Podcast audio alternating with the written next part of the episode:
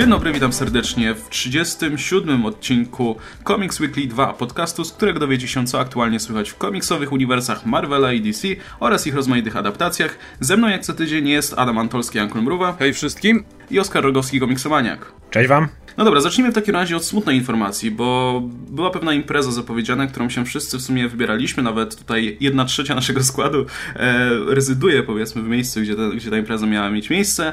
No i niestety nic z tego póki co nie wyjdzie. Mowa oczywiście o Europe Comic Conie, który miał się odbyć w Kielcach. E, no i jak się okazało, niestety były jakieś problemy, zdaje się, z miejscem, z lokacją, gdzie miała się ta impreza odbywać. W zasadzie w sumie w ostatniej chwili ta, ten problem tutaj się pojawił, no i w związku z tym imprezę trzeba było odwołać. Aczkolwiek zdaje się, poprawcie mieści się byle, są jakieś plany, żeby przynajmniej częściowo przenieść to do Warszawy i tak dalej, ale myślę, że tak czy inaczej jesteśmy tym faktem trochę rozczarowani, no bo zapowiadała się naprawdę ciekawa impreza, choćby z tego względu, że w sumie to chyba jedyna taka, no a jeśli nie jedyna, no to jedna z niewielu, które jakby od samego startu próbowały być czymś dużym, nie? I czymś na dużą skalę. Zazwyczaj te wszystkie duże imprezy, one wyrastały z jakichś tam mniejszych imprezek, z jakichś konwentów i tak dalej, a tutaj już na samym starcie miało być coś dużego, na dużą skalę, efektownego, z gwiazdami i tak dalej. No jak się okazuje, no nie tak łatwo coś takiego zorganizować najwyraźniej. To znaczy, oficjalna informacja, news, który został wypuszczony na Facebooku, brzmiał tak, że to nie jest odwołanie, tylko to są przenosiny. Oczywiście nie ma co wymagać cudów. Tak wielka impreza, ciężko ją przenosić w jeden miesiąc do kompletnie innego miasta, więc należy raczej oczekiwać, że to będzie tylko garstka pierwotnych atrakcji. I szczerze mówiąc, ja byłem troszeczkę sceptyczny krytycznie nastawiony do całego przedsięwzięcia od samego początku, ale no przykro mi, że im się nie, że im się nie udało, dlatego że było to ogłoszone dosyć na prędce, jak gdyby... Dokładnie to samo miałem. Y, w dość krótkim czasie od, miała się impreza odbyć od czasu, kiedy została zapowiedziana. Y, od dłuższego czasu zresztą była cisza ze strony organizatorów, od jakiegoś miesiąca czy coś. Y, co też było niepokojące już i to jest jak gdyby takie potwierdzenie naszych najgorszych obaw. Jest jeszcze jedna rzecz, o której chyba mogę powiedzieć, bo nie, nie jestem w żaden sposób tutaj z tajemnicą trzymany. Y, z Damianem Maksymowiczem z DC Maniaka próbowaliśmy zgłosić jedną prelekcję i napisaliśmy do pisaliśmy do Jakuba Ćwieka o tej sprawie i była kompletna cisza, zero odpowiedzi. Rozumiem, jeśli już były wszystkie miejsca zajęte, czy nie byliby zainteresowani, czy coś w tym stylu. Nie o to mi chodzi, po prostu wiesz, taka kompletna cisza po drugiej stronie też mi się wydawała niepokojąca. Miewałem już odrzucane prelekcje, dlatego że zgłaszałem, bo akurat już był komplet, czy coś w tym stylu. Zawsze jednak jakąś odpowiedź dostawałem, tutaj nic. Mam też wrażenie, że ten Comic Con był bardzo mało komiksowy, co nie wiem, to, to, to jeszcze bardziej jest takie naprawdę duże podejście, no bo jedyny niekomiksowy Comic Con na świecie, jaki znam, to San Diego Comic Con. Nawet tam są komiksy, ale tak, one są tam takim bardzo malutkim marginesem. Ale jak już jakikolwiek inny Comic Con następny wielkościowo New York jest bardzo mocno komiksowy, więc tutaj z tego co widziałem bardzo ambitnie i kompletnie olano komiksy w Comic-Conie, no to widziałem, próbowali pójść za, za największymi. Nie wiem, czy to taki dobry pomysł, żeby coś takiego robić w Polsce. Ale też miałem sceptyczne podejście, głównie z, dokładnie z tego samego powodu. Zostało to ogłoszone tak, hej, za tam 4-5 miesięcy, czy coś takiego, mega Comic-Con w Kielcach. Ciężko sobie wyobrazić, patrząc na to nawet jak ogłaszane dużo wcześniej imprezy i takie już naprawdę z no, długim stażem jak Pyrkon, gdzie się zdarza, że na przykład jak w ostatnim, ostatniej edycji kilka budynków nie, tych, co by bardzo chcieli je dostać, były niedostępne i tak dalej, no to co dopiero kompletnie świeża, kompletnie nowo wyciągnięta impreza. Także nie powiem, że jestem mocno zdziwiony, że tak to się skończyło, no i co do tej Warszawy, to jestem na razie bardzo sceptycznie nastawiony, czy cokolwiek z tego będzie. Natomiast jeden powód, dla którego nie byłem sceptycznie nastawiony, to jest wybór Kielc i to nie tylko dlatego, że kocham majonez kielecki, ale także dlatego, że targi Kielce naprawdę są nowoczesnymi targami, które mają dużą powierzchnię i e, hostują m.in. MSPO, które są trzecimi czy czwartymi targami zbrojeniowymi w całej Europie. Więc to nie jest mniej, to nie jest tak, że to jest zadupie i jest kompletnie, wiesz, nie nadaje się do tego czegoś takiego. Spokojnie targi Kielce mogłyby przyjąć ty, Pyrkon, czy MFK, czy coś w tym stylu. E, mm, Zastanawia mnie tylko, czy nie wybrano Kielc właśnie przez. To I teraz tu są moje dzikie spekulacje. Zaznaczam od razu, żeby nikt mnie nie cytował i nikt nie używał tego jako potwierdzonego info. To są moje dzikie spekulacje. Zastanawiam się, czy nie potraktowano, nie pomyślano o Kielcach po macoszemu na zasadzie, że hej, Kielce będą tańsze. I tak troszeczkę wynikało z wypowiedzi, yy, wypowiedzi organizatorów zaraz po ogłoszeniu. I no niekoniecznie tak musi być, dlatego że Kielce, miasto, które faktycznie jest tańsze, jeśli chcesz tam kupić piwo albo wynająć apartament, to co trochę co innego jak te targi Kielce, które są jednak bardzo nowoczesne i to są bardzo, jest to bardzo duża powierzchnia targów. No tak, tylko że wiesz, mnie dziwi to, że no nie wiem, ja nigdy nie organizowałem takiej imprezy, a już na pewno nie na taką skalę, więc może się nie znam, ale no nie wydaje mi się, nie, nie wydaje wam się to dziwne, że ogłoszono imprezę, a potem się okazuje, że jednak nie jest dograna sprawa z samą lokacją i, i w sensie samym miejscem, gdzie to ma się odbywać. W sensie, to wiecie, jest no, dziwne i to jest... Jak się organizuje głupią domówkę w domu, no to się nie zaprasza ludzi, dopóki się nie wie na 100%, że się będzie miało miejscówkę, nie? Czy, czy cokolwiek. A tutaj mówimy o dużej imprezie, na której już były sprzedawane bilety i było wszystko ogłaszane i nagle się okazuje, że jednak no nie wypali, bo, bo... Znaczy oczywiście to może są... Nie, nie wiem, czy to było oficjalnie potwierdzone, czy nie. No i się ale czy to tylko plotki, no ale się ponoć się po prostu te targi obraziły i sobie poszły czy i zrezygnowały Może tak być oferty. po prostu, wtedy ciężko mieć pretensje do organizatorów, jeżeli w ostatniej chwili to, to tak naprawdę się wypinają no, ale to, ciebie wiesz, to wtedy osoby, chyba które... jest podpisywana jakaś umowa czy coś, więc... Jakieś odszkodowanie czy coś takiego. No właśnie, skoro mogli się wypiąć, to znaczy, że jeszcze nie mieli umowy podpisanej tak naprawdę. No to w takim razie to też y, kwestia organizatorów ale szczególnie jest y, źle dla osób, które wiem, że znowu twierdzą, że będą starać się jakoś to załatwiać. Aczkolwiek nie do końca jestem pewien, jak można to załatwić, tym bardziej, że no to miała być duża impreza, tak? Chcieli ściągnąć jak najwięcej osób, więc wszelkie rezerwacje hotelowe, które już zostały zapłacone, zabukowane, no to wydaje mi się, że to teraz będzie koszmar po prostu Y, ze wszystkimi hotelami, motelami, hostelami i to wszystko po prostu odkręcać, no bo to już za miesiąc. Na dobrą sprawę, każdy, kto chciał załatwić sobie tam miejscówkę, już dawno to zrobił. No wielu ludzi potraktowało to jak pyrkon, także musisz załatwić miejscówkę z dużym wyprzedzeniem. Wiesz, organizatorzy chcieli, żeby to było traktowane jak pyrkon, jak coś dużego, więc tak. sporo ludzi pewnie tak zrobiło, także w tej chwili wydaje mi się, że tam jest koszmar administracyjny z tymi wszystkimi pokojami. No, także jeśli ktoś, jeśli ktoś zarezerwował sobie miejscówkę bez możliwości odwołania, no to współczuję trochę. No, ja, ja też mam problem z takim jakby naruszeniem zaufania, dlatego że oczywiście teraz organizatorzy starają się to odkręcić i dać jakieś zadośćuczynienie niedoszłym uczestnikom kieleckiego komikonu. I to jest bardzo dobre, ale im, padły już pierwsze słowa, że staramy się załatwić wszystko za rok. Tylko, że ja mam taki problem, że y, jak gdyby zaufanie już zostało naruszone. Jaką gwarancję ma zwykły uczestnik, że nie stanie się dokładnie to samo za rok, albo czy to samo nie stanie się w Warszawie, czy coś w tym stylu.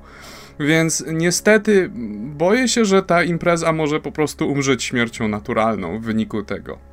No i co ciekawe, w, na w Warszawie jest zaplanowany jeszcze mm, Comic Con Poland, czy jakoś tak? Tak jest. E, czyli kolejna oddzielna zupełnie impreza o też nazwie Comic Con, e, która zdaje się też jest organizowana przez zupełnie innych ludzi, więc no zobaczymy. Jeśli, jeśli ten Comic Con e, kielecki zostanie w jakiejś części przeniesiony do Warszawy, to będziemy mieli teraz dwa warszawskie Comic Cony w takim razie. No i no nie wiem, no to postaramy się być na nich w takim razie, no, jak, jeśli będzie okazja. Daleko znać, nie mamy, wygląda. ale przynajmniej dwójka z nas, ale, ale no cały czas ciężko mi sobie wyobrazić, że w jakiejkolwiek sensownej formie ten, ten przeniesiony kielecki komikon jednak tu się odbędzie. No to jest za mało czasu po prostu, żeby cokolwiek sensownego tu ogarnąć. Już nie mówiąc, już nie mówiąc o tym, co, o czym Adam powiedział, czyli jeżeli bywa problem z komunikacją. No. No właśnie. E, no też chcę, bo raczej wątpię, żeby znaleźli tak dobrą miejscówkę jak Tarki Kielce, tak przestrzenną jak e, pierwotne miejsce, mimo wszystko. Warszawa, no, jest dosyć droga, a czasu mają niewiele. Także wyraziliśmy nasze tutaj rozczarowanie, możemy przejść dalej. E, no dobra, to w takim razie ten temat, który, na który myślę najwięcej osób tutaj czeka, czyli trailery, bo wysypało nam ostatnio materiałami wideo. Znaczy, no może wysypało, ale to były na pewno takie, które były oczekiwane. Czyli po pierwsze, zacznijmy może od, od teasera, bo to jeszcze nie trailer, tylko taka w sumie zajawka wrzucona tutaj z dobrej woli. E, do Guardians of the Galaxy Volume 2, która ma zapowiadać trailer, bo teraz oczywiście robi się jeszcze trailery do tra trailerów, nie? Tak, żeby tutaj hype, hype podkręcić. Szczerze mówiąc, za bardzo nie ma o czym tutaj gadać. Masa osób mi pisała, hej, omów, omów ten teaser i tak dalej, co sądzisz samo. o tym teaserze? Może analiza, no. Tak, analiza właśnie, też, też miałem prośbę o analizę teasera, chociaż inna sprawa, że też nigdy nie robię czegoś takiego, więc, a to, to cały czas tak się pojawia, także nie wiem, może kiedyś się skuszę na, na albo na żywą reakcję na przykład na, na teaser. Więc po prostu razie, no, siedział o... przez minutę z jednolitą tak, miną, tak. nic szczególnego. I no fajne. No, tak, tak, dokładnie. W każdym razie, no, obejrzałem ten teaser, no i fajnie, no, to, to co się z niego dowiadujemy w zasadzie najważniejszego? No to, że Groot jest mały i ma fajną, fajny kubraczek, nie? I w sumie mniej więcej tyle, bo... A, no i jest ten fajny żart z, z Draxem i Star, Star-Lordem na koniec. To, to, to tak naprawdę nic więcej, no, to jest takie... I to tyle, no, parę scenek po prostu zmontowanych ten za teaser sobą, tak. służy tylko jednemu, dla każdego, kto mieszka w szafie i nie bardzo wie, co się wokół niego dzieje na świecie. Ej, Guardians of the Galaxy 2 powstaje. To jest generalnie tyle.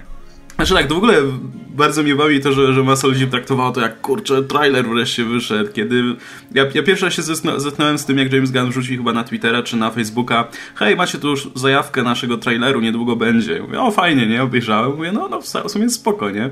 A tutaj nagle wysypało mi na Facebooku jest już trailer Guardians of the Galaxy i wszyscy, wow, tyle czekałem w ogóle, o nie! A potem no ciebie i... nabrałem. no tak. Ja w ogóle się, a w ogóle to było tak, że po jakimś czasie, jak już obejrzałem to i już tutaj przeszedłem do porządku dziennego, siedzę sobie w pubie i, i piję piwo i mam się już zbierać. Już w zasadzie praktycznie sięgałem po kurtkę. Nagle coś tam, na, nagle napisałem z Oskarem na Facebooku i on mówi, no przecież już jest ten trailer do Guardiansów. I mówię, co? Jest już trailer do Guardiansów? No tak, czytam, jest kurtkę? trailer, nie? Ludzie piszą, że nie jest trailer, to jest trailer. No, no ja mówię, wow, okej, okay, dobra, po, rzuciłem kurtkę, pobiegłem do baru, zamówiłem piwo, wiesz, rozsiadłem się, założyłem słuchawki, E, oglądamy to kurde ten sam teaser. Mówię, o fuck. No teraz musiałem dopić piwo, kurczę, siedzieć i, i je pić, także. No niestety. Ale ogólnie no fajnie, no ja cały czas jednak i tak czekam na, na trailer, który mam nadzieję pokaże nam coś więcej o tym filmie, bo w zasadzie z teasera nie, nie dowiadujemy się niczego, co, czego nie wiedzieliśmy Kompletnie wcześniej. Kompletnie niczego, prawda? więc... No, będzie utrzymane w tym samym tonie co poprzedni film. Tyle się dowiadujemy. Niespodzianka. Więc... Wiecie co, bardziej większe wrażenie na mnie zrobił ten plakat czarno-biały niż, niż ten teaser, szczerze mówiąc, bo był czymś nowym. Mamy tak. drużynę jakby w Wiesz, nowym tu składzie. Tu nawet mieliśmy dokładnie tę tą samą melodię Hooked on the Feeling, więc... Tak. No, no to, ale to serio wygląda po prostu jakby ktoś stwierdził, hej, rzućmy jakąś tam zajawkę, zmontuj cokolwiek, wrzucimy, no. żeby, żeby nie narzekali, gdzie trailer i już. Żeby nie było wątpliwości, my nie uważamy, że to jest złe, ale to, to no nie, nie, jest też nie. dobre, to, to jest. Ale też kurczę, no nie hypujmy tego jak jakiś super trailer. No, Dokładnie. Natomiast był jeden super trailer w tym, w tym e, tygodniu. E, produkcji, z której już, już toczyliśmy bekę przez jakiś czas, czyli Logan. E, I z niemałym zaskoczeniem, znaczy w sumie może nie, potem, potem, potem stwierdziłem, że w sumie to nie, ale z, na początku z niemałym zaskoczeniem stwierdziłem, że kurczę, ludzie naprawdę kupili ten trailer, e, bo jest, no w zasadzie on tutaj podąża tymi ścieżkami wytyczonymi przez inne filmy, czyli mamy, yy, mamy bardzo fajną muzykę, tutaj znajome klimaty, Johnny Cash i tak dalej. Mamy taki mroczny klimat, takie trochę post-apo, taki, wiecie, powaga i tak dalej. Mamy krew, mamy walki i tak dalej. Także no, dla, dla wielu ludzi faktycznie to, to było coś, co ten film mogło sprzedać, bo co by nie mówić, jednak jakoś tam ten trailer się odróżnia od tego, co Fox robił wcześniej. W zasadzie akurat z, czego, z tego co pamiętam, ten, przynajmniej ten pierwszy Wolverine miał całkiem niezłą kampanię promocyjną, wbrew temu, co zwykle Fox robi z filmami z X-Men, jeśli chodzi Geneza? o Geneza? Geneza miała bardzo Nie, nie, The Wolverine miał bardzo fajną. Nie, według mnie Geneza nawet miała dobrą kampanię. Nie pamiętam, szczerze mówiąc już Wszystkie Geneza. miały dobrą kampanię powiedzieć. reklamową i były chujowe filmy. A Fox zwykle A ma co, co, pamię co, pamiętacie z tej kampanii Genezy? Były jakieś, nie wiem, no, plakaty, teasery, No pamiętam co, ten plakat, jak trzyma te nie, to było chyba w Wolverine. Nie, to było przy Genezie, właśnie jak trzyma te szpony przed sobą. Ja pamiętam, jak bardzo naciskali na to, co pokazali w pierwszych dwóch minutach filmu. Czyli jak pokazywali we w każdym możliwym trailerze, że to będzie życie Logana i wkładali ci ten motyw, jak oni tam biegną, jak jest wojna pokazana, jak on w tym domu jest i wiesz, i, i, i klęczy i te, małe dziecko i mu się pazury wysuwają, takie ło, pokażą jakieś takie, te, a to były wiesz, pierwsze dwie minuty ja filmu. Ja pamiętam jeszcze wywiady z y, fikcyjnymi postaciami, które są w tym filmie, jak z Wade'em Wilsonem był wywiad wypuszczony. Pamiętam całkiem dobrze te kampanie. Te kampanie były niezłe. No jest, ja na przykład pamiętam, znaczy mówię, tego, tego aż tak dobrze nie pamiętam, ale pamiętam, że The Wolverine się zapowiadał całkiem nieźle. Miał na przykład świetne plakaty, w zasadzie wszystkie bardzo no, fajnie stylizowane. Był ten genialny plakat, gdzie był Logan i takie czarne tło za nim, a jak się przyjrzałeś, to, to był taki tłum ninja. I mówię, o kurna, no może być zajebiste. Trailer był już słabszy. No może, może faktycznie. No ale tutaj mamy znowu, po, znowu mamy element całkiem nieźle najwyraźniej zaprojektowanej kampanii reklamowej, no bo widać, że faktycznie publika to kupiła. Ja tego nie kupuję osobiście, bo ten trailer mówi mi tylko tyle, że to będzie dokładnie ten sam film co The Wolverine, tylko że teraz w stylistyce post-apo. Bo to jest dokładnie ten, ja tyle wyczytałem z tego traileru, że to jest dokładnie trailera, że to jest dokładnie ten sam schemat, gdzie jest Logan, który sobie żyje w odosobnieniu, bo jest w jakiejś traumie i w ogóle i tutaj nie chce mieć żadnych kontaktów ze światem. Nagle się okazuje, że kłopoty znajdują go same i on tutaj wplątuje się w jakąś większą akcję, musi uciekać razem z młodszą od niego towarzyszką, która oczywiście jest mordercza i, i, i pewnie ma charakterek. No oczywiście jak to, jak to The Wolverine, żebyśmy zaczęli się przejmować Loganem, no to trzeba mu tutaj zlikwidować jego healing factor, nie? No bo inaczej po prostu tutaj reżyser nie jest w stanie zbudować żadnego napięcia, więc tam, tam oczywiście go pozbawiono zupełnie, tutaj będzie miał słabszy i tak dalej, więc widzimy, że ma blizny i go wszystko boli i tak dalej. No i poza tym, no to to co w Wolverine, no widać, że będą chujowe efekty, bo ta scena, gdzie Logan skacze na kogoś z tymi szponami wygląda strasznie chujowo. No i nie wiem, jak dla mnie to wygląda strasznie tanio, wygląda jak taka kopia poprzedniego filmu, tyle że z krwią, tyle że bardziej edgy, tyle że z muzyką Johnnego Casha i to tak jakby tyle. Także jestem ciekaw w takim razie, no mówię, mnie to nie kupiło, ale jestem ciekaw, czy, czy jak wam się to podobało. Widać wyraźnie inspiracje Old Man Logan, które były na, na początku jak gdyby życia tego filmu to było sugerowane, że być może to będzie Old Man Logan. Tutaj wyraźnie widać pewne inspiracje. Jest taki moment, w którym jest wyraźnie sugerowane, że Wolverine zrobił coś złego i teraz ma wyrzuty sumienia, co jest moim zdaniem bardzo silnym nawiązaniem do pierwowzoru. Oczywiście... Nie zabił innych. No, raczej pe pewnie nie, ale no, będzie ten motyw poczucia winy, jak gdyby, że musi tutaj znaleźć ale, odkupienie. Nie, nie, pomógł albo nie uratował. Tak, co, jakiś no, te, Też nie sądzę, typu. żeby zabił wszystkich, bo tego by myślę nie dało rady To zrobić. by było zbyt edgy. No. E, no oczywiście nie będzie to Old Man Logan, dlatego że nie, ma, nie mogą użyć całej reszty uniwersum Marvela. E, za prawdopodobnie zamiast Hawkeye'a będzie właśnie tutaj Profesor X. E, szczerze to wygląda lepiej niż się spodziewałem. Myślałem, że będzie większa żena, ale żeby wyglądało dobrze, to też nie. To będzie taki, to będzie, tak jak mówiłeś, to będzie ten sam film, który był poprzednio, The Wolverine, tylko z nałożoną skórką The Old Man Logan i bardziej smutny, bardziej nostalgiczny, taki ojej, jestem stary, jest mi smutno i źle. I, i, I tutaj jest jakaś nasza nowa nadzieja, którą wyślemy w przeszłość, bo musimy żeby była do następnego filmu. Nie no, jest pewien limit tego, ile razy możesz się jarać nowym filmem i wiesz, i nadal kupować to, i nadal, wiesz, i nadal się ekscytować i później się rozczarowywać. Ja już na tym etapie, szczególnie, że reżyser się nie zmienia, to nadal jest James Mangold. E, na tym etapie to ja po prostu oczekuję tego samego i nie mam żadnych wy wygórowanych oczekiwań, czy hypu, czy czegokolwiek. Okej, okay, to ja jestem tutaj największym frajerem, dlatego że ja jednak dałem bardzo niewielką szansę po tym, licząc na jakieś takie dziwne rzeczy, na przykład no, był ten Deadpool, który pokazał, że ej, wiecie, że jak zrobimy taki kompletnie inny film, to zielone lecą, no. Także ja wiem, że jak pójdę do kina i już Mister Sinister wskoczy w wielkiego mecha i zacznie wysyłać armię klon małych klonów na Wolverina, który on będzie zrzucał i będą latały pioruny i, i budżet 130 milionów zostanie tak naprawdę wykorzystany w większości w ostatnim akcie filmu, a wcześniej będzie to niskobudżetowa produkcja.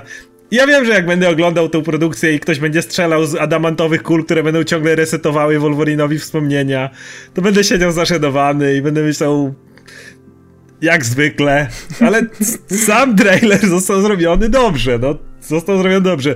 Gdybyśmy nie mieli wcześniej, według mnie, absolutnie żadnych predyspozycji wchodząc do tego trailera i po prostu wiedząc jak do tej pory to było tworzone, to prawdopodobnie byśmy byli zadowoleni z tego trailera, bo uważam, że sam trailer został wykonany dobrze i nawet nie chodzi o tego, że to, to że puścili muzykę, która wiadomo, hej, działa, no to Suicide Squad i w ogóle, ale ta muzyka jednak została naprawdę dobrze wkomponowana, naprawdę mam wrażenie, że po raz kolejny podkreślam, w zwiastunie starają się naprawdę pokazać, że robią film na zupełnie innym tonie, a narzekaliśmy, że na przykład Brian Singer robi ciągle to samo i wszystkie jego trailery wyglądają jak dalej robiłby to samo, więc jeśli chodzi o to, no daję im te 10% szansy, że naprawdę nie zaskoczył, ale, ale mówię, ja po prostu wiem, że jestem frajerem i jak w kinie po prostu mówię, zacznie się ta cała żenuła, z piłowaniem pazurów, to, to, to będę, będę siedział i myślał, ja znowu się dałem. Ja się zgodzę z tym, że to jest dobry trailer, bo to jest dobry trailer, tylko że tutaj jest mały problem z tym. Ja mam ten sam problem z filmami DC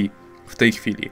E, w komiksach, kiedy masz tego typu historię, to to jest często historia tak naprawdę o dziedzictwie jakiejś jednostki, co zrobił w swoim życiu, co osiągnął i tak dalej. I jeżeli mówisz o komiksach, to sobie wiesz, w momencie jak czytasz Old Man Logan na przykład, albo coś w tym stylu, to przypominasz sobie, wiesz, te wszystkie niesamowite historie, które czytałeś przez lata. A jak popatrzysz na filmowego Wolverina, no to e, masz dwa chujowe filmy i no i no, to dziedzictwo masz, jednak... Masz też X2 na przykład, czy X1, które nie są złymi filmami. No nie, nie są złymi filmami i, i, i tak dalej, ale no mimo wszystko to jest bardziej film o Wolverine, nazywa się Logan i to ma opowiadać o jego osobistym dziedzictwie. Jakby dosłownie pojawia się jego, wiesz, córka, nie wiem, nie wiem czy możemy to spoilować. Jej ale to klon. nie jest spoiler, bo to sam Mandel mówi, nie, nie będę wam mówił kto to jest. Tak, um, Bruce Wayne to Batman, tak przy okazji. No i e, wiesz, to ma być film jak gdyby o jego dziedzictwie, dziedzictwie jego życia. I jak do tej pory wszystko, co widzieliśmy z jego życia, no ssało pałę, więc nie jestem przekonany do tego filmu. Nie mogę tego, nie mogę mieć ale, tego ładunku ale nie, emocjonalnego. Nie, bo teraz już nie wiesz tego, bo zostało to wymazane, ale albo nie nie wiemy, co jest dziedzictwem jego Ko życia teraz, a co nie jest, jest, w jakiej to się dzieje rzeczywistości. Ja zakładam, żeby się nie martwić, ja zakładam po prostu, że to jest jeszcze jakaś inna, alternatywna przyszłość. Ja, tak, ja też tak, ja tak dokładnie podchodzę do tego jako kolejny Elseworld, czyli tak jak Old Man Logan, to dzieje się w innym miejscu i nie zawracaj sobie dupy resztę uniwersum. To, to jeszcze nawet nie jest X-Men, gdzie jednak to ma jakieś tam znaczenie, co się działo, co się nie działo. Tutaj myślę, że nie. To jest najmniejszy problem, jak dla mnie w ogóle. Tak. Dla mnie największy problem to jest to, że po prostu robi to ta sama ekipa, co poprzedni film. Więc tak. ym, jak, jak opublikowałem no taką przychylną, powiedzmy, opinię odnośnie tego trailera i w ogóle filmu, powiedzmy, no to ktoś napisał, że no ale słuchaj, no daj szansę, nie? No i, i wiesz, no i to byłoby uczciwe podejście, no bo czemu tutaj skreślać i tak dalej, ale już tyle razy byłem rozczarowany. Yy, i no, nie jestem w stanie zaufać też tej ekipie, która robiła poprzedni film, no bo widzę mniej więcej, że tutaj próbują robić coś podobnego, no to... tylko że nie wiem. Tak samo jak mamy więc... teraz z filmami DC, no no, to jest ten, tak, problem, no właśnie, że... ciężko mi, no właśnie, a propos filmu, dobra analogia zresztą, bo jeśli chodzi o filmy DC, no to nie jestem w stanie czekać na Justice League z, tutaj z wypiekami na twarzy, no bo widzę, znam tę ekipę, no, no wiem co ta ekipa robiła wcześniej i jak potrafili spieprzyć dobry materiał. Natomiast y, już na przykład na jakiegoś Flasha czy Aquamena, no to już śmiało tam, już mogę dać kredyt zaufania, no bo jednak robią to zupełnie inni ludzie, możliwe, że z innym podejściem. No tutaj nie do końca, no, no wiem do czego, powiedzmy, co potrafi zrobić Mangold. Szczególnie, że słuchajcie, no The Wolverine to, to był samograj, no wystarczyło zekranizować tę genialną historię Clermonta o Wolverine w Japonii i już. I naprawdę nie trzeba było tam wrzucać Viper Zresztą ich wersji Viper, czy Silver Samuraja w formie wielkiego Transformera. No, no, no nie, no, to, to jakby popsuli coś, co, co w zasadzie wydawało się nie do popsucia. Jak gdzieś no po cichu, tak naprawdę po cichu liczę, że to weszło tylko dlatego, że jakiś execute z Foxa się wtrącił, jak przy Fantastycznej Czwórce i że to nie jest pomysł Mangolda. Bo z drugiej strony, jak obejrzysz ten film Wolverine, to mniej więcej do momentu, w którym zaczyna być dziwny robak, któremu on robi sobie operację na otwartym sercu, to jeszcze to jest w miarę spójny obraz. Nie mówię, że jest dobry, nie mówię, że jest ciekawy, bo tam jest sporo nudy, ale jest w miarę spójny, a potem masz wrażenie, jakby ci ton zaczął po prostu skakać, jakby kto inny wszedł, więc wiem, że znowu jestem frajerem i znowu się rozczaruję, ale, ale liczę po cichu, że jednak może, może jakimś cudem ta, ta, ta część z mechem, z Silver Samurajem i Viper plującą kwasem i zrywającą sobie skórę, to nie był pomysł Mangolda? Może? Oby? No, co będziesz miał Pierce'a, który pewnie, wiesz, będzie stracił swoją ludzką Ta, powłokę. tracił skórę i będzie się robił i tak super cybernetycznie. Nie, no i ja jak zobaczyłem już ten trailer, jak on się zaczyna od tego, że Logan siedzi taki w ogóle gdzieś tam w odosobnieniu, który, i to wygląda tak jak The Wolverine, mówię, o nie, po prostu, kurczę, znowu to samo. Także, no nic, no, mówię, może dla, ale kto wie właśnie, może dzięki temu, że jestem tak negatywnie nastawiony do tego filmu, to pójdę na film, on okaże się przeciętny, a ja stwierdzę, wow, udało się. Może Więc tak być. kto wie, zresztą premiera już całkiem niedługo, nie, w marcu. Przekonamy się. No właśnie. E, no i dobra, to teraz w takim razie już jesteśmy tutaj do, dookoła mm, tutaj X-Men i, i, i tak dalej, Deadpoola i tak dalej, no to pomówmy sobie jeszcze o filmowym Deadpoolu, bo powoli trwają castingi już, będą, będziemy szukać aktorów, znaczy może nie my, chociaż dobrze by było, e, ale autorzy będą szukać aktorów do ról w nadchodzącym sequelu. E, gadaliśmy swego czasu o Cable'u, natomiast trwa właśnie wybieranie odpowiedniej aktorki do roli Domino. E, I, I jest pewna shortlista, na której jest parę ciekawych nazwisk, e, których już nie pamiętam, więc Oskar, jakbyś mógł mnie wspomóc tutaj. Już sekundę. Czekaj, mam, mam, mam, mam to w ręku, ale muszę Znaczy na pewno jest Mary Elizabeth Winstead i to jest jedna z moich ulubionych aktorek w ogóle, w której jestem po prostu zakochany od, od nie wiem, Scotta Pilgrima czy coś.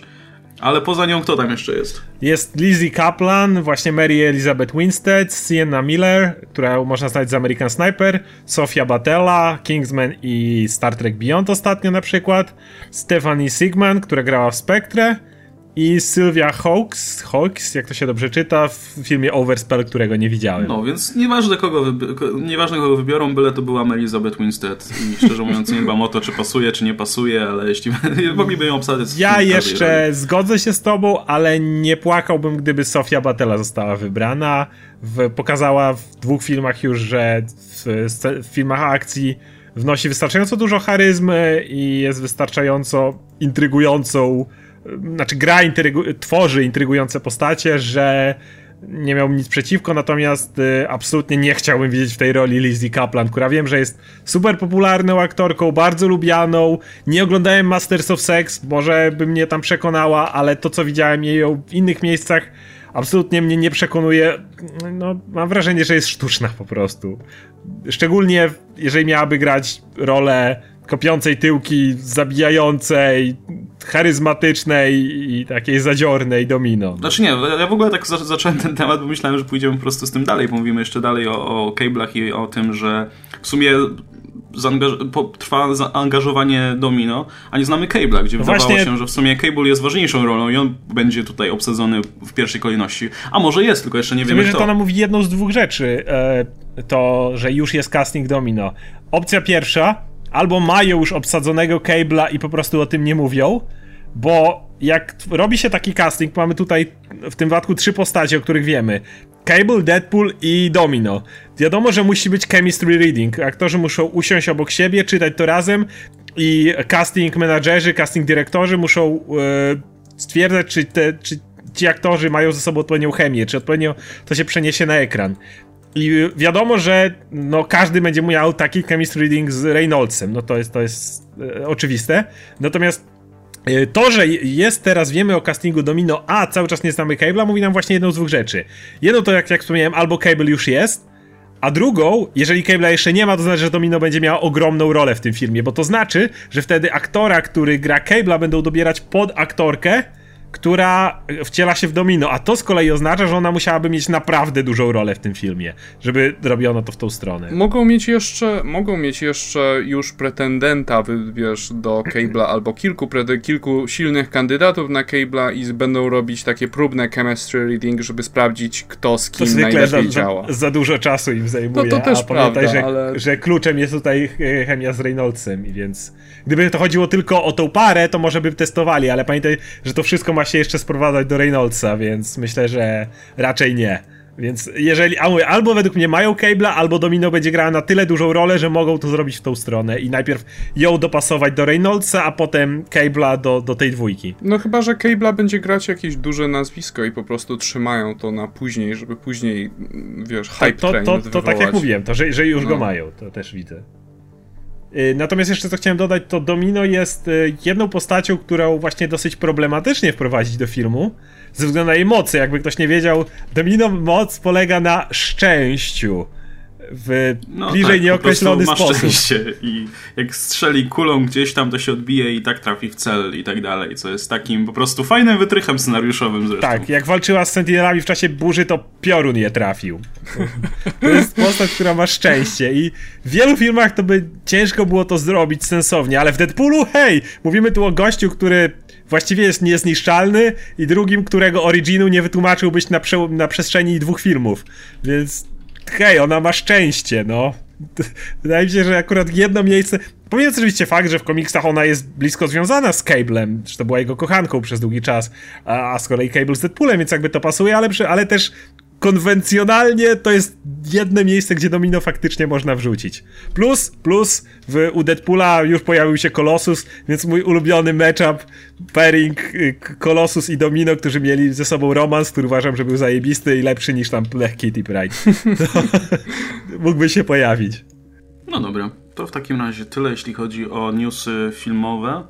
E, I możemy sobie przejść do dosyć istotnego, przynajmniej dla mnie bardzo istotnego e, newsa komiksowego, czyli e, pojawiają się już powoli, coraz, coraz częściej w zasadzie regularnie, zajawki tego nowego brandingu, powiedzmy, Resurrection, który jest e, tutaj zapowiadany na wiosnę 2017 roku. No i jest związany póki co z tego, co widzimy z X-Men przede wszystkim, chociaż w logo Resurrection poza X-em jest jeszcze te... te mm, Black Bolta znak. Zygzaki Black Bolta, więc możliwe, że jakieś tam tytuły z Inhumans też będą wychodzić. W każdym razie na razie zapowiedziano nam w momencie, kiedy my to nagrywamy, mamy cztery zapowiedzi e, nowych serii związanych właśnie z X-Men, nie, pięciu z nowych serii Pięć. związanych z X-Men, tak, pięciu.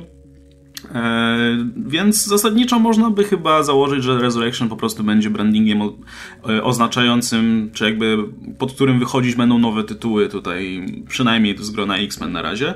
E, no co, co mnie oczywiście cieszy, no bo im więcej tych tytułów z X-Men będzie, tym więcej będę miał do czytania. Mam nadzieję, mam nadzieję po prostu, że będą poziomem stały w miarę Już wysoko. sporo tego Póki co mamy Ice... Słucham? Mówię, że już fakt, że już aż tyle komiksów z X-Men zapowiedziano, a to wiadomo, że jeszcze nie jest koniec, tak, to już tak. pokazuje, że okej, okay, Marvel na full powraca do X-Men, nie ma tu żadnych wątpliwości. Tak, tylko że w sumie nie wiemy też do końca, czy to będą regularne serie, czy to nie będą miniserie, albo po prostu nie wiem, czy to nie będzie podzielone, nie? Nawet jeśli Albo nawet, nawet jeśli miniserię to cały czas w porównaniu do tego, co było przez ostatnie parę lat, to... Jasne, na pewno jest to znak, że, że Marvel wraca do X-Men tutaj pełną parą i na pewno oznacza to też, na pewno wynika to powiedzmy z ocieplenia stosunków między Marvelem i Foxem. Um, no i no tak jak mówię, no mnie to bardzo cieszy. Na razie mamy Icemana, zeszyt pierwszy zapowiedziany, e, Weapon X, e, Jean Grey, K e, Generation X i Cable'a, zapowiedzianego w zasadzie przed chwilą, e, jak, jak to nagrywamy. Więc y, no, całkiem nieoczywisty line bym powiedział póki co, bo spodziewałbyś się, że będzie, nie wiem, Storm. Brakuje e, tu wiem, magik. Bardzo no brakuje, brakuje to prawda. Zaraz, zaraz sobie powiemy o tym, okay. kogo, jeszcze tutaj brakuje. Natomiast jeszcze o tych samych propozycjach. Iceman mnie dziwi trochę, szczerze mówiąc. No. Bo no nie jest to postać, która by była jakoś wiodąca. Znaczy on zawsze tam gdzieś jest, prawda? Ale nie, on nigdy nie jest na pierwszym planie i wydawałoby się, że nie jest na tyle ciekawy, by być na pierwszym planie. Natomiast y, no, nie ukrywajmy, że od tej wielkiej rewelacji, że, że Iceman dorosły również jest tutaj y, orientacji homoseksualnej, to prawdopodobnie to też będzie istotny wątek. Myślę, że e, tak bardzo cynicznie to, to do tego podchodząc, Myślę, że to też jest powód, dla którego Iceman dostaje serię. Czy chcą prostu, trafić mieć... do mniejszości po prostu. Tak, tak, myślę, że, że Kolejnych czytelników dosyć... wciągnąć, żeby mieć, ej, to jest do was komiks. No tak, I... tak, tylko że wybierasz Icemana, to jest troszeczkę obraźliwe. Gdyby kogo obchodzi Iceman? Ilu znasz fanów Icemana? No dobra, ale no to kogo mieli wybrać? E, Nordstara? No, Lepszy Iceman, nie? Znaczy ja od początku chciałem tutaj wtrącić jedną rzecz. E, jest jedna postać, która uważam, że może mieć nawet większy fanbase niż Iceman i nazywa się Juggernaut. I teraz jak szczególnie jak może wie, wiedzą nasi słuchacze, siedzę przy Deadpool Classic, który ukaże się w lutym i tam Juggernauta jest sporo. Juggernaut w tej chwili jestem przekonany, że nie, nie był gejem w latach 90., tylko dlatego, że to były lata 90., które nie były tak liberalne i nie mogli wprost powiedzieć, że Juggernaut jest gejem. Ale on był gejem w latach 90. i, i generalnie jest gejem. Okej, okay, to dostasz Więc... jakiś dowód tego poza jego hełmem.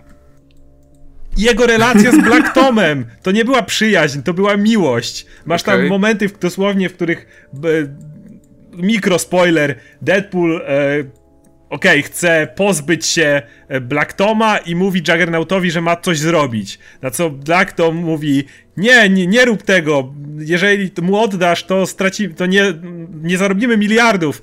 Na co Juggernaut odpowiada, nie zależy mi w ogóle na pieniądzach, jeżeli nie będę mógł dzielić z tobą życia, aby je razem wydawać. Okej. Okay. Powiedz mi, że to nie jest przyjaźń. To nie jest przyjaźń, to jest miłość. Okay. Juggernaut jest ab absolutnie był w homo związku z Czarnym Tomem i to na każdej stronie po prostu widać.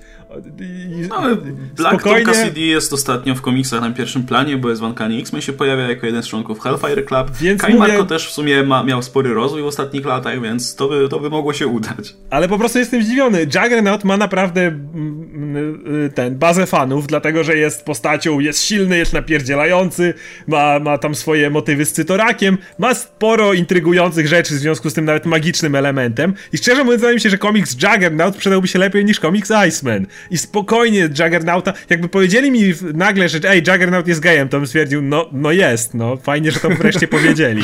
I więc, natomiast, no mówię, no, Iceman... No, no. Poza tym, od kiedy właściwie ogłoszono to, że jego homoseksualizm, tak jakby do tej postaci mi to konkretnej zgrzytało, nie pasowało, znając komiksy z nimi wcześniej. Nie potrafię tego dokładnie wyartykułować, dlatego że nie jestem takim znawcą X-Men jak ty, ale jakoś zawsze, jakoś zawsze odnosiłem wrażenie, ilekroć później wracałem do tych komiksów i e, wątkiem komiksu było to, że Iceman, hej, chłopaki, Iceman jest gejem. No to było no strasznie to, pisane jeszcze swoją drogą. To tak, e, jakoś zawsze mi się to wydawało sztuczne, syntetyczne, gdzie nie czułem tej ciągłości z postacią, którą znałem wcześniej. No jakbyś spojrzał na historię związków Icemana, które wszystkie się kończyły jedną wielką porażką, no to... No nie no, ale to jest, wiesz... Sensu, no. Ale to, jeżeli się na tym w takim razie mógłbyś prawie, szczerze mówiąc, mógłbyś w ten sposób wcisnąć prawie każdą postać, bo Marvel non-stop wracaje do statusu quo niszczył prędzej czy później każdy związek, więc jeżeli bazą pod to, że Iceman jest gejem jest to, że większość jego związków się nie udawała, to ja ci mógłbym zrobić, wiesz, z Black Panthera równie dobrze, bo też miał parę związków, które mu nie wyszły, czy nie wiem, z Angela. Poza tym to stereotyp Nie wiem, tak spektakularnie jak w przypadku Icemana, ale nie. czy nie, no wydaje mi się, zresztą już jak ta cała, jak cała ten, jak ten news w ogóle dotarł do nas e, na początku, no to dla mnie to był po prostu jasny znak, że oni próbują za wszelką cenę cokolwiek zrobić sensownego z Icemanem i, i to był jakby ich pomysł, e, więc, więc jestem teraz pewien, że będą to mocno forsować w tym komiksie i pewnie nie wyjdzie, pewnie się okaże, że nikt tego nie kupuje i zakopią to po prostu i, i tyle będziemy widzieli Icemana na pierwszym planie. Ja chcę tylko jeszcze jedno dodać, że to jest stereotyp, że komuś, wiesz, nie, nie idzie z kobietami, więc pewnie jest gejem. E, no, niekoniecznie, prawda? To nie. To... no, oczywiście to było z przymrużeniem oka, tak? Jeśli, jeśli słuchajcie, jeśli wam nie idzie, to wcale nie znaczy, że, że, że tutaj powinniście e, jakby zmienić upodobania, spokojnie. Niech wreszcie przyznają orientację Juggernauta, którą wciskali od lat 90. Zrobią komiks Juggernaut, który się sprzeda. Powinieneś iść z transparentem i wiesz, dajcie Juggernautowi tak. być sobą. No tak, tak. Walili to ci w twarz od lat 90., tak jak mówię, wtedy nie było tak liberalnego środowiska, nie mógł biedny Juggernaut wyjść z szafy i powiedzieć to wprost. Teraz ma szansę, dajcie mu okazję, dajcie mu serię i, i ona się sprzeda i będziesz miał reprezentację, jeszcze nie w jakiegoś Icemana, którego nikt nikogo no, naprawdę. Iceman, Iceman X Juggernaut. Tylko, tylko Juggernauta, który jest, który jest y, ma zainteresowanie i proszę bardzo, i się seria sprzeda, także ich błąd. Nie, szczerze, im dłużej nad tym myślę, na początku jak powiedziałeś, że o, Juggernaut był gejem, to ja tak co? Ale im dłużej nad tym myślę, to tym więcej to ma sensu w mojej głowie, więc... Oczywiście, że tak. więc to, to, to nie brzmi nawet głupio. No. Dobra, to, to, jeszcze przelecimy sobie przez kolejne zapowiedzi. Tak, Weapon X i mamy na tej okładce mm, roz, rozmaite powiedzmy ofiary Weapon X, łącznie z Laurą, Wolverinem, czy, czy e, Sabertoothem, czy Deadpoolem na przykład. E, natomiast e, oczywiście pojawiły się plotki, że być może to jest powrót Wolverina czy coś, ale nie sądzę, bo nie. myślę, że wtedy by tego nie nazwali Weapon X, tylko po prostu wyrzucili Wolverine wraca na okładkę. E, ale to o tym już mówiliśmy, że Logan pewnie nie wróci przez jakiś czas przynajmniej. Natomiast no, myślicie, że co to będzie? Jakieś antologia po prostu historii o tych postaciach związanych z Weapon X? Albo czy spróbują zrobić... historia, drużynówka? Co, co to może Spróbują być? zrobić kolejne Wolverines, ale to był tygodnik, który miał, no, jak to większość tygodników, no, no tak. Ale no, jeżeli tak, no to było dosyć podobne. No, była ta, ta seria Wolverines, która w sumie była o drużynie odrzutów z Weapon X, no więc pewnie zrobią coś podobnego, tak myślę, tylko może bardziej się do tego przyłożą. Byłoby fajnie, jakby ta seria prowadziła do powrotu Wolverina, bo nie sądzę, żeby ona sama była powrotem Wolverina, ale mogło, to jest dobre miejsce, od którego, do, z którego mógłbyś poprowadzić do e, właściwej serii, w której by Wolverine wrócił. Eee, nie wiem, czy tak się stanie, dlatego że Old Man Logan nadal funkcjonuje w tym uniwersum i z tego co wiem ma się całkiem nieźle. Jak gdyby w pełni zastępuje pierwowzór, oryginał. No plus a... to byłaby powtórka, bo seria Wolverines była dokładnie o tym. Ona miała prowadzić, tylko na samym końcu tak? pokazali ci faka, ale cała seria była po, powrotem Wolverina, który się nie, na, który na końcu Mystic powiedziała oh no fucking way. I w tym momencie nie wrócił Wolverine, ale, ale seria do tego dążyła, więc to byłaby to jeszcze kopiuj w klej kompletnie. No i jeszcze kolejną serią jest na przykład Jean Grey. I to myślę jest dosyć oczywisty wybór, bo, bo Jean Grey, mhm. no, kiedy tylko żyła, to zawsze była jakoś tam na, na, na czele, powiedzmy, tych, no, na pierwszym planie, powiedzmy, w tych seriach z mutantami.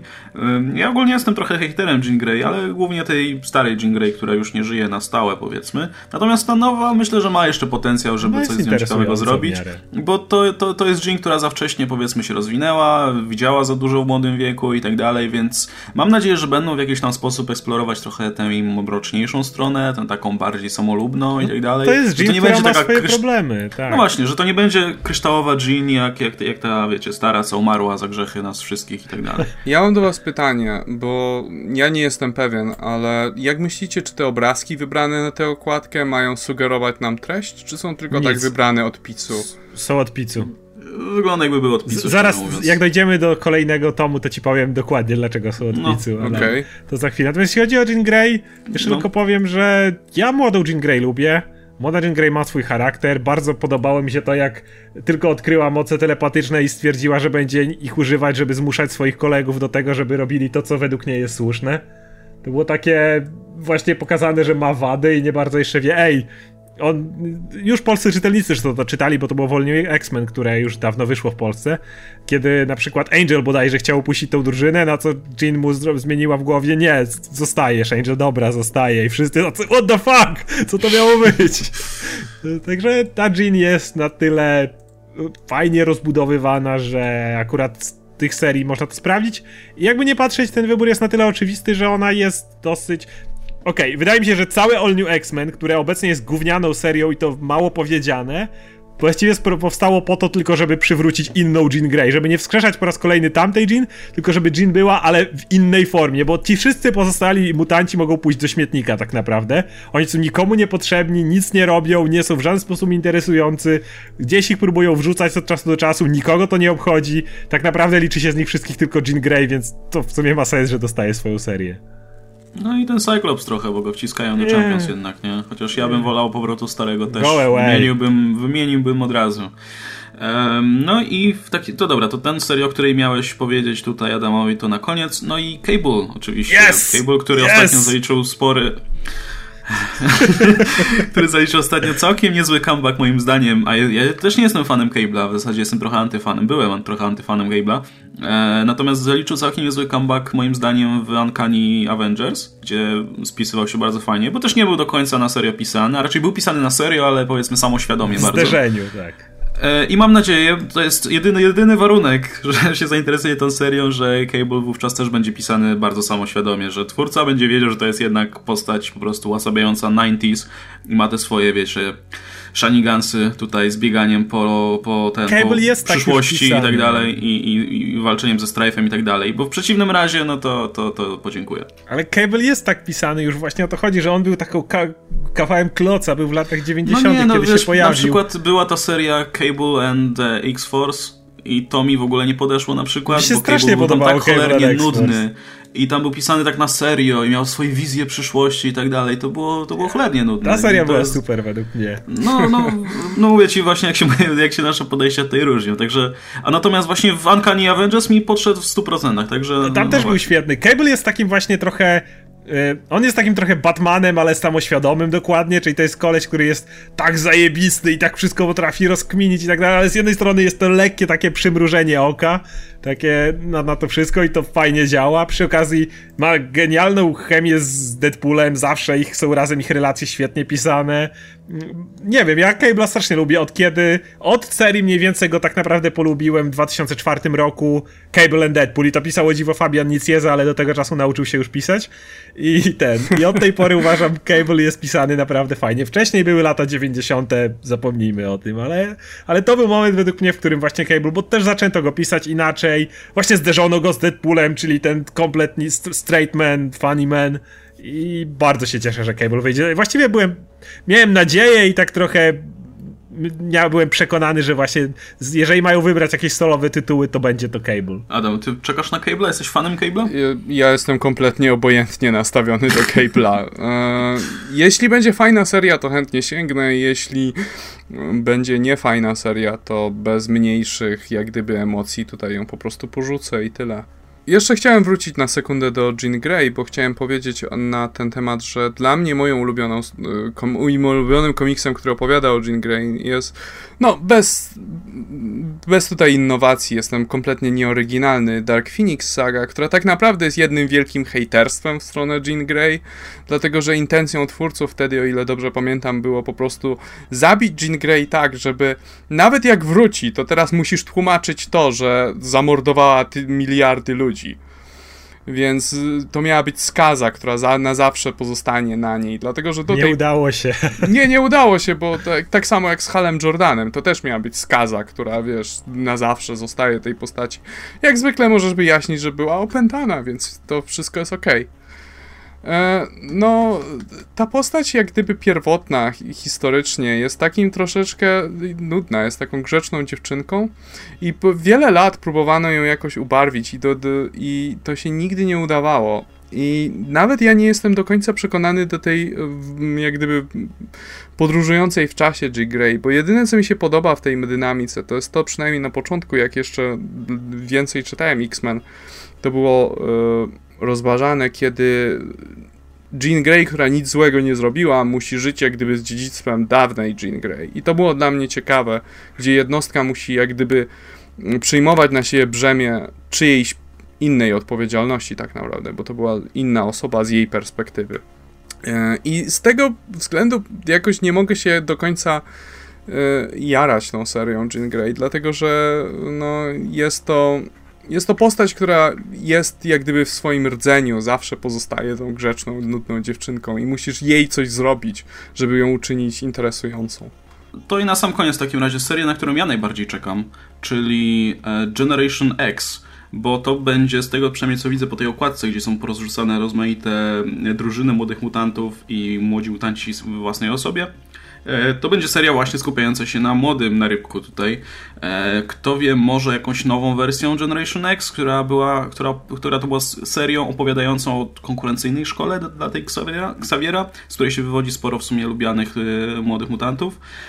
No i jest Quentin na okładce, jej, także ktoś sobie o nim przypomnie najwyraźniej, chociaż mam nadzieję, że to nie tak przypadkowo. Natomiast no, jaram się bardzo, bo czekam na, na, jakiś, na jakąś serię opowiadającą właśnie o młodych mutantach, bo to jest ta, ta część, powiedzmy, uniwersum X-Men, która mi odpowiada najbardziej. A do tej pory jakoś słabo była eksplorowana, niestety. No jest All New X-Men, ale tego się nie da czytać, bo tam jest taki teenage, że, że po prostu no, otwiera zeszyt i już masz narzekanie i jęczenie na pierwszej stronie, więc się po prostu ręce opadają i wszystko inne też. E, natomiast e, no, czekam na taki luźniejszy, luźniejszy, bardziej powiedzmy rozrywkowy komiks o, o młodych mutantach. Coś, co czym było Wolverine and the X-Men na przykład, czy Spider-Man and the X-Men, czy właśnie Generation X wcześniej. Także no mam nadzieję, że, że to będzie oznaczać z jednej strony właśnie powrót te, tytułu w tym stylu, a z drugiej strony, że Quentin wróci wreszcie, no bo też czekam. Jeśli chodzi o Generation X, to właśnie e, niestety aż tak bym się nie napalał na kogokolwiek, kto jest na tej okładce i to wygląda jak totalnie losowe wrzucenie różnych młodych mutantów, bo chociażby jest tam Sunspot czy Cannonball. Jeszcze o tyle, co Cannonball mógłby być w dwóch drużynach naraz, no to na przykład Sunspot nie ma absolutnie żadnych szans, on będzie liderem USA Avengers, więc siłą rzeczy nie będzie miał czasu na zabawy z młodymi mutantami, jak dziwnie to zabrzmiało. W każdym razie wydaje mi się, że e, to zostały raczej tak po prostu pacnięte o, weźmy tutaj z tej okładki, weźmy trochę z tego kadru, weźmy z tego panelu i tak zrobili z tego taki kolaż, żeby było Generation X, ale ech, wydaje mi się, że nie ma co się napalać kimkolwiek, kto jest na okładce. Natomiast chcę tylko powiedzieć, że jest tutaj ciekawa zależność pomiędzy Resurrection a pewnym innym pewną inną inicjatywą w pewnym innym wydawnictwie, która brzmi dosyć podobnie. Mianowicie używane tytuły, warto zauważyć, pomimo oczywiście nazw um, samych postaci, są bardzo klasyczne, że tak powiem. Bardzo przypominają ten klasyczny wizerunek, jak na przykład nie zrobiono z tego All New Super Mutant, tylko Generation X, coś co się kojarzy z tym, co było wcześniej, czy Weapon X, a nie właśnie Wolverines, czy inne, wiesz, expe- No i na tych samych okładkach też mamy bardzo, powiedzmy, różne wcielenia danych postaci. I to są te klasyczne, różne, znaczy nie tylko, wymieszane z Marvel Now też, ale, ale tak. I więc no tutaj... tak, są przemieszane jakby przez całą historię, słuchaj, idą. No tak, tak, więc to Resur Birth Action, no, ale no tutaj oczywiście ono w Marvelu dotyczy tylko tej strony mutantów, ale, ale wygląda na to, że Marvel ma nową, kompletnie oryginalną inicjatywę mutantów, gdzie chcą wrócić do klasycznego wizerunku i przywrócić trochę tych starszych czytelników, których pewne zmiany mogły zniechęcić. Czekaj, gdzieś to słyszałem. No ale dobra, ufaj się, akurat X-Men tego potrzebują. nie mówię, mało, że nie. Absolutnie mało, się które... nie, nie kłysnę. Ja nie miałbym na nic przeciwko, gdyby Resurrection się rozlało na całe Marvel Comics. E, myślę, że to był dobry pomysł ze strony DC na zrobienie Rebirth i DC nie ma żadnych praw autorskich do robienia czegoś takiego. To nie jest taki super oryginalny pomysł. Więc czemu nie mają korzystać z dobrego pomysłu, Ale jeśli jest dostępny, prawda? Nie do końca się z tym zgodzę, szczerze mówiąc, bo jest parę rzeczy w Marvelu, które poszły. No też kurde, no Rever z drugiej strony. Nie, no tak, ale Rever z drugiej strony nie kłóci się z tym, że dobre rzeczy nie mogą zostać. Tak no trochę. właśnie, więc to nie musi znaczyć, że wiesz, że wszystko porzucą i wrócą do tego, co było w latach 90. i wszyscy będą mieć obowiązkowo jeden shoulder pad i stringi. Ale wiesz... z drugiej strony Marvel chyba aż tak tego nie potrzebuje, tak mi się wydaje. Oni potrzebują ogarnięcia dokładnie jakby jednego kursu i zebrania do kupy tych, tego uniwersum, że tak powiem, nauczenia Bendisa, żeby chociaż czytał notatki o innych komiksach, ale nie mam, nie, nie wiem, ja, ja osobiście nie mam potrzeby w Marvelu, żeby wrócić do jakiegoś klasycznego wizerunku, żeby teraz nagle na przykład Odinson stał się jedynym słusznym torem, albo Bruce Banner y, Hulkiem, czy coś takiego nie, kompletnie nie mam potrzeby i ja lubię te nowe wcielenia postaci. Więc... Znaczy to prawda, w przypadku DC była duża potrzeba na to od fanów Właśnie. i było, było no, to mówione ma, jak gdyby Marvel ma in, zupełnie w innym miejscu leży problem Marvela, tam jest bardziej rozpierdziel autorski na zasadzie takiej, że nie bardzo widać jakiś, jakąś jedną spójną wizję, to jest jakby problem Marvela. I to bardziej, że Marvel nie robił nigdy New 52, nie? Nie, nie, no właśnie, nie modyfikował tak. aż tak bardzo no, Więc... ad hoc y, swojego uniwersum. Inicjatywa Rebirth nie naprawiłaby problemów Marvela, o, tak mi się wydaje. Secret Wars było najbliżej do kryzysu, kiedy Marvel kiedykolwiek był i w końcu nie zrobili tego. I się wycofali. Tak, tak. wycofali no się Więc ja, ja, się w sumie zgodzę z Oscarem, też, też mi się wydaje, że... Znaczy tak, y, X-Men moim zdaniem potrzebują swojego Rebirth, to, to Zgadza powiem, się. że tak, bo tam się po prostu pozmieniało za dużo w krótkim czasie i współcześni X-Men zupełnie nie przypominają tego, za co lubiłem tę serię jeszcze, nie wiem, kilka lat temu. No, to zresztą nie jestem odosobniony w tym. Fani, którzy czytają te komiksy o wiele dłużej ode mnie, narzekają mniej więcej na to samo, że po prostu nie przeszkadzają im tyle zmiany, co po prostu brakuje im znajomych elementów w tych komiksach, takich jakichkolwiek w zasadzie. Ale nowi fani raczej też tutaj. To, to, to, to jest problem ten co New 52. To ani nie trafiło, znaczy New 52 miało swoje momenty, tak samo jak nowi X-Men mają swoją laurę, która jest uważam kapitalna, no. ale, ale podobny problem. Jednak jest parę perełek, a poza tym ani to nie jest dobre dla starych fanów, ani znowu nie jest jakoś wyjątkowo atrakcyjne dla nowych. Tym bardziej, że X-Men w odróżnieniu do wielu innych marek ma swoje, nie wiem, cztery czy ile animacji, e, masę filmów. To, to jest jednak cholernie dobrze znana marka, więc tutaj trzeba dbać jednak trochę o te znajome elementy bardziej. Natomiast mam nadzieję, że właśnie Marvel po prostu nada jakiś kurs tym seriom. Mam nadzieję, może być tym ten, ten cały konflikt pokoleniowy, który tam się jakoś tworzy powoli. Może ale szczerze, szczerze mówiąc trochę nie wierzę na razie w to. E, ale cieszę się za to, że, że X-Men zyskują jakiś kurs wreszcie, że, że coś, coś próbują z nimi zrobić, że ten konflikt z Inhumans jakoś tam, no będzie jakiś payoff z tego, mam nadzieję przynajmniej. Jestem Dobra, no ciekawy myślę, bardzo, że... jeszcze chciałem powiedzieć, że jestem bardzo ciekawy, czy też przebudują trochę Inhumans. W sensie, bo Inhumans też potrzebują czegoś takiego. Jak się nad tym no, zastanowisz, myślę, to oni też poszli w bardzo złym kierunku.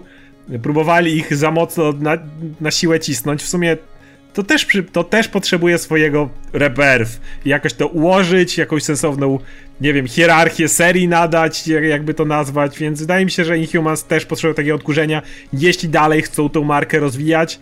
A w sumie czemu nie? Po prostu na razie podeszli tego zbyt agresywnie, zbyt mocno i to tak naprawdę zniechęciło. A wydaje mi się, że gdyby podeszli do tego z głową na, na spokojnie, to to też jest y, y, jakby marka, tak, brand, który, który można rozwinąć.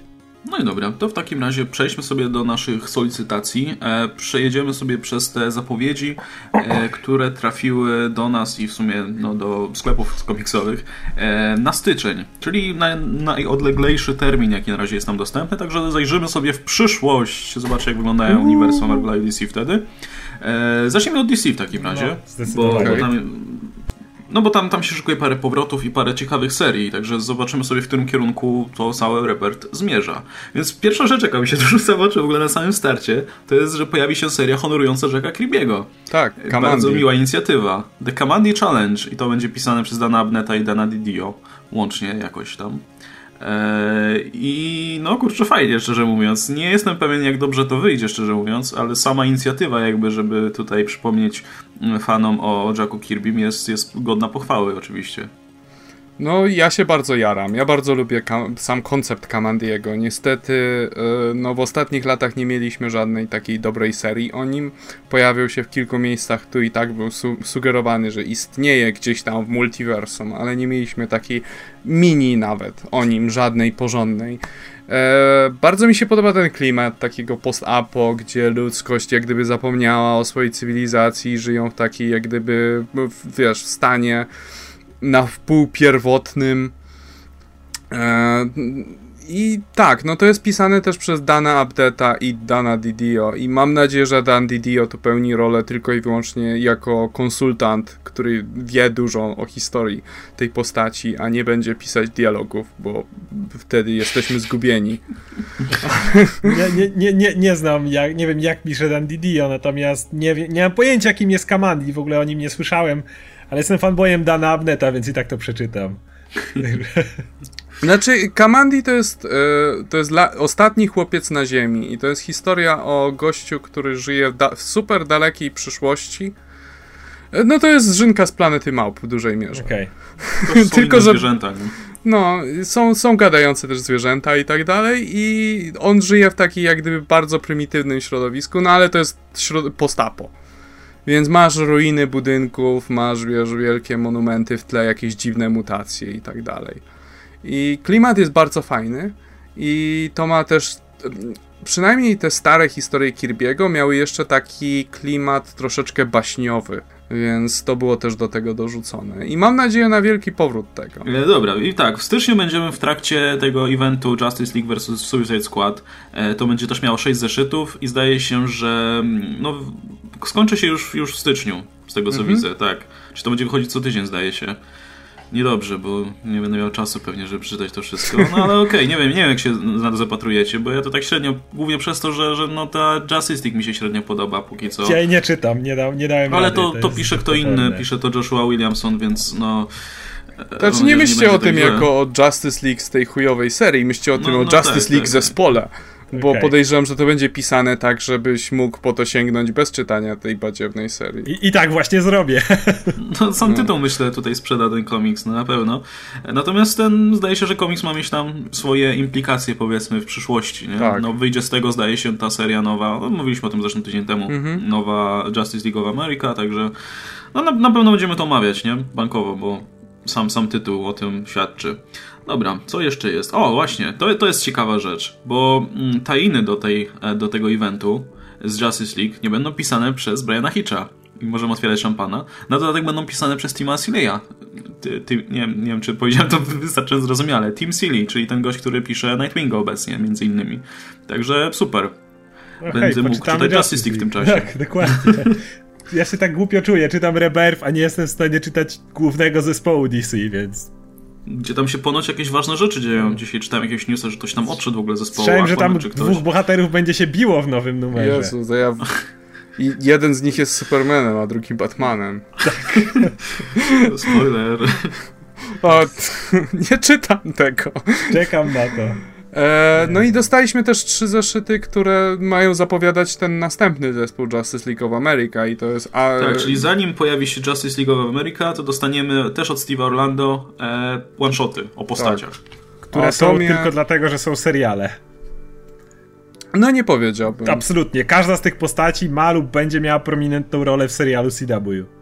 Każda z tych postaci. Wiesz co, to ja jestem za to wdzięczny CW, dlatego że każda z tych postaci y, po prostu czekała na swój powrót od dłuższego czasu i ma masę okej, fanów. A, a, ale, jestem, więc- ale gwarantuję ci, że, że każda z tych postaci jest tutaj właśnie dlatego. Masz Atoma, który jest nie do oglądania w, nie, w serialu, który jest nie do oglądania, czyli Legends of Tomorrow, ale ma tam bardzo dużą rolę. Masz Vixen, która miała swoją e, krótką animację, potem była. W, no teraz też będzie w Legends of Tomorrow. Hej, jak chcecie, możecie ją oglądać dalej. Masz Reya, który będzie miał swój, swój, swój własny serial. Killer Frost, która jest od dawna. mm, No, w, we Flashu współpracuje z Barrym Allenem i hej, właśnie obudziły w niej się lodowe moce. Więc to, to wszystko są prominentne postacie obecnie w CW. Także No ja jestem rozczarowany, że to jest Killer Frost, a nie Ice, do której mam dużo większy sentyment. No, jakby tam była Ice. No jakby tam była Ice, to by był, miała własną jedynkę, ale to wiesz, to też może być na zasadzie, że te konkretne postacie dostały swoje one-shoty, czy tam, wiesz, miniserie, a y, cały zespół będzie się składać z większej ilości osób, więc... Tak jak, wiesz, tak jak w Legends of Tomorrow. Tak, tak, tak, whatever. wiesz, zeszyt, e, komiks Legends of Tomorrow był, e, nie wiem, czy to dalej wychodzi, ale... Wychodziło przez jakiś czas. Wychodziło przez jakiś czas jeszcze. jeszcze. jest, nie wiem. E, Ale był bardzo dobry, bo był kompletnie czymś innym niż serial. Nie Więc- twierdzę, że nie, no. Więc wiesz, więc jeżeli po prostu się inspirują serialem, albo jest to dla nich motywacja, żeby zrobić wreszcie komiks o Raczej postaci, o którą marketing, ludzie no. proszą. Ej, skojarzą tą postać, która będzie na okładce, nie? Raczej w ten sposób to działa, więc jeżeli przez to ma wy- wychodzić dobre komiksy, to czemu nie? No tak, ja w sumie się też zastanawiałem, czemu Ray dostaje swoją własną serię. Jak to, To kogo obchodzi The Ray, to jest zagadka rozwiązana. No dobra, co tak, e, co, co jeszcze mamy z ciekawszych rzeczy? E, między innymi widzę, że Batmana będzie, Osta Batmana ze Snyderem będzie rysował Jock, e, który, który jest jednym z moich ulubionych w sumie artystów i razem tworzyli na przykład taki komiks Witches, więc się troszkę jaram, szczerze mówiąc. E, nie wiem, ale śledziłeś dalej All Star Batman w ogóle? Nie. Ja też. Ja Ja też, ja nawet czy... sprawdzę, bo wszyscy, wszyscy chwalą ten komiks. Naprawdę? Ja nie czaję za bardzo dlaczego. Też nie. Nie, E, Więc zobaczę. Ciekawa rzecz jest jeszcze taka, że w Batmanie teraz trwa ten e, króciutki, sto, znaczy króciutki, ten story arc. I am e, Suicide. znaczy zaczął się w zasadzie I am Suicide, nie? Tak. E, czytałeś tego nowego Batmana? Tak, czytałem. Bardzo mi się Jak podobał. się podobał?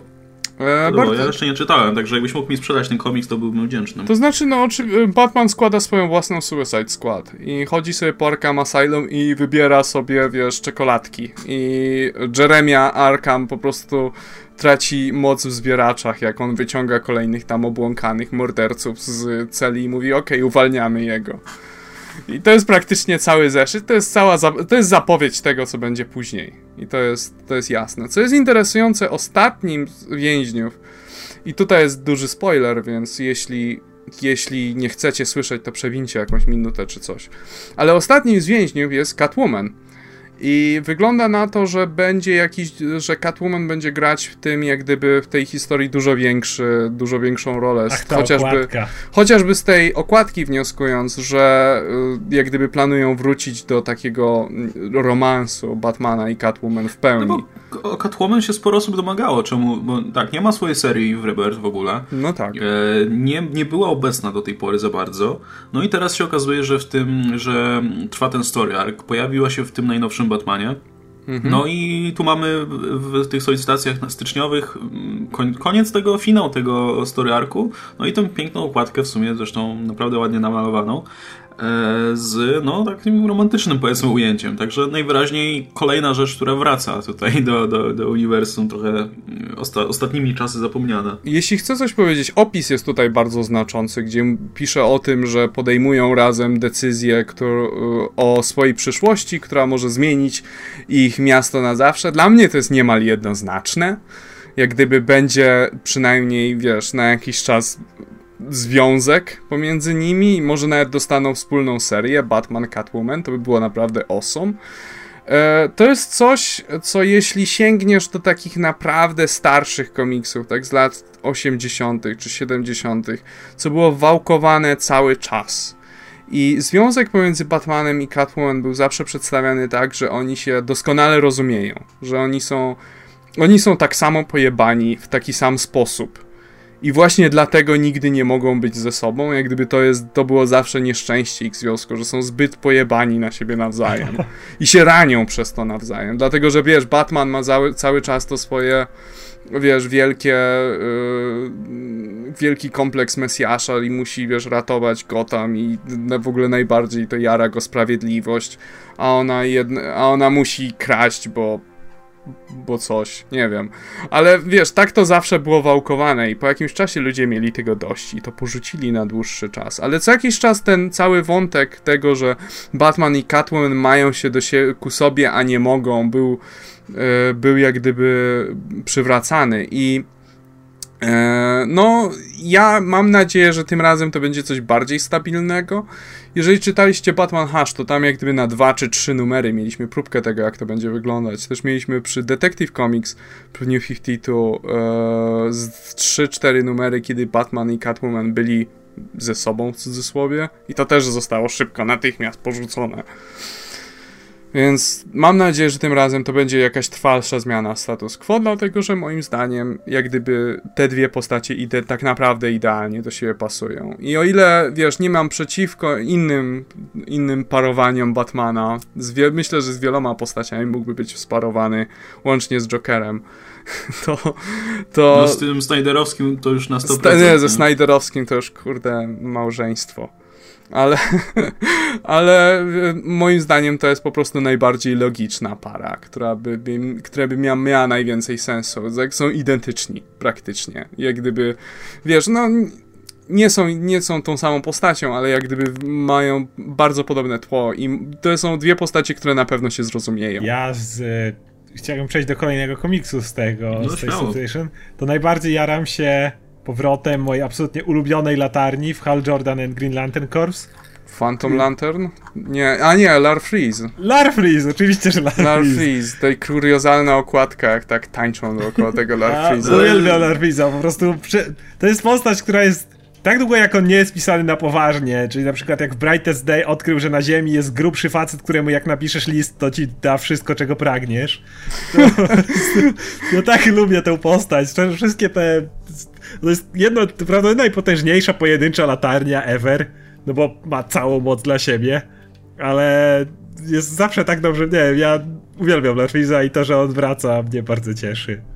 No i ten, Kyle Rayner wraca. Kyle Rayner wraca. I, I to w roli białej latarni. Tak. I wszyscy na tej okładce mają strasznie głupie pozy. Ja nie mam pojęcia, kto to rysował. I to co to ma być? Balet czy coś? no szczególnie, szczególnie właśnie Kyle wygląda. Podlinkuję tą okładkę na dole. Bo Kyle jest, jest też umięśniony, jakby z lat 90. Tak. się urwał. E, no ale ten Larfreeze w ogóle kiedyś potrafili go pisać naprawdę zabawnie i też mam nadzieję, że wróci humory w humorystycznej znaczy, wersji. wiecie co, nie wygląda na to szczerze no, mówiąc. No, niestety bo... nie. Nie, bo to Venditti dotyczyć, to Fabuła ma dotyczyć tego, że on zabutelkował te latarnie czy coś i będzie po prostu głównym zagrożeniem tutaj nie, Lanem. Nie, więc... Larfreeze nie jest fajny jako główne zagrożenie. On jest fajny, kiedy myśli, że jest głównym zagrożeniem. Ja pamiętam jak w Green Lantern Core była, wiesz, był cały, był cały story arc z Larfreezem i była osobna strona poświęcona na e, receptę na ciasteczka z Larfreezem i Larfreeze no, uczył czytelników jak, wiesz, piec ciastka. To jest rewelacyjny to jest coś pięknego. No ale jak ma być serious, to, to ja nie chcę. Nie, no, no ja, to... Ja chcę, ja chcę Larfreeza, który jest, wiesz... To pisze we... nie, nie pojmuje idei e, życia i dla niego to, no, ludzie wręcz cały czas śmieją się z niego z tym motywem posiadania, że tak Tak, ale wiesz co, to pisze Robert Venditti, więc ja ci mówię, że jak to będzie wyglądać ta historia. Historia będzie wyglądać tak, że pojawi się Lar Freeze, będzie wielkim kurwa zagrożeniem, Nie. wytrze wszystkim po prostu podłogę jak szmatą. E, pojawi się wtedy, wiesz, wszystkie inne latarnie, te najważniejsze, czyli Kai Rayner, Guy Gardner, John Stewart i tak dalej. Oni wszyscy będą mieć jakieś znaczące mikrozwycięstwo nad Lar Freezem, ale Lar Freeze w końcu ich takich też, im też najebie. I na sam koniec pojawi się Hal Jordan, który po prostu go jednym ciosem pokona.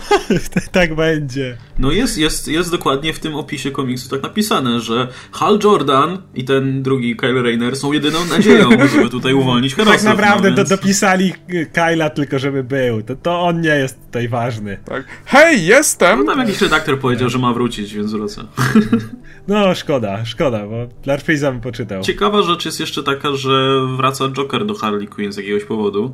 E, Natomiast jest powiedziane, że jest to Joker odmieniony, który jest miły i grzeczny i w ogóle.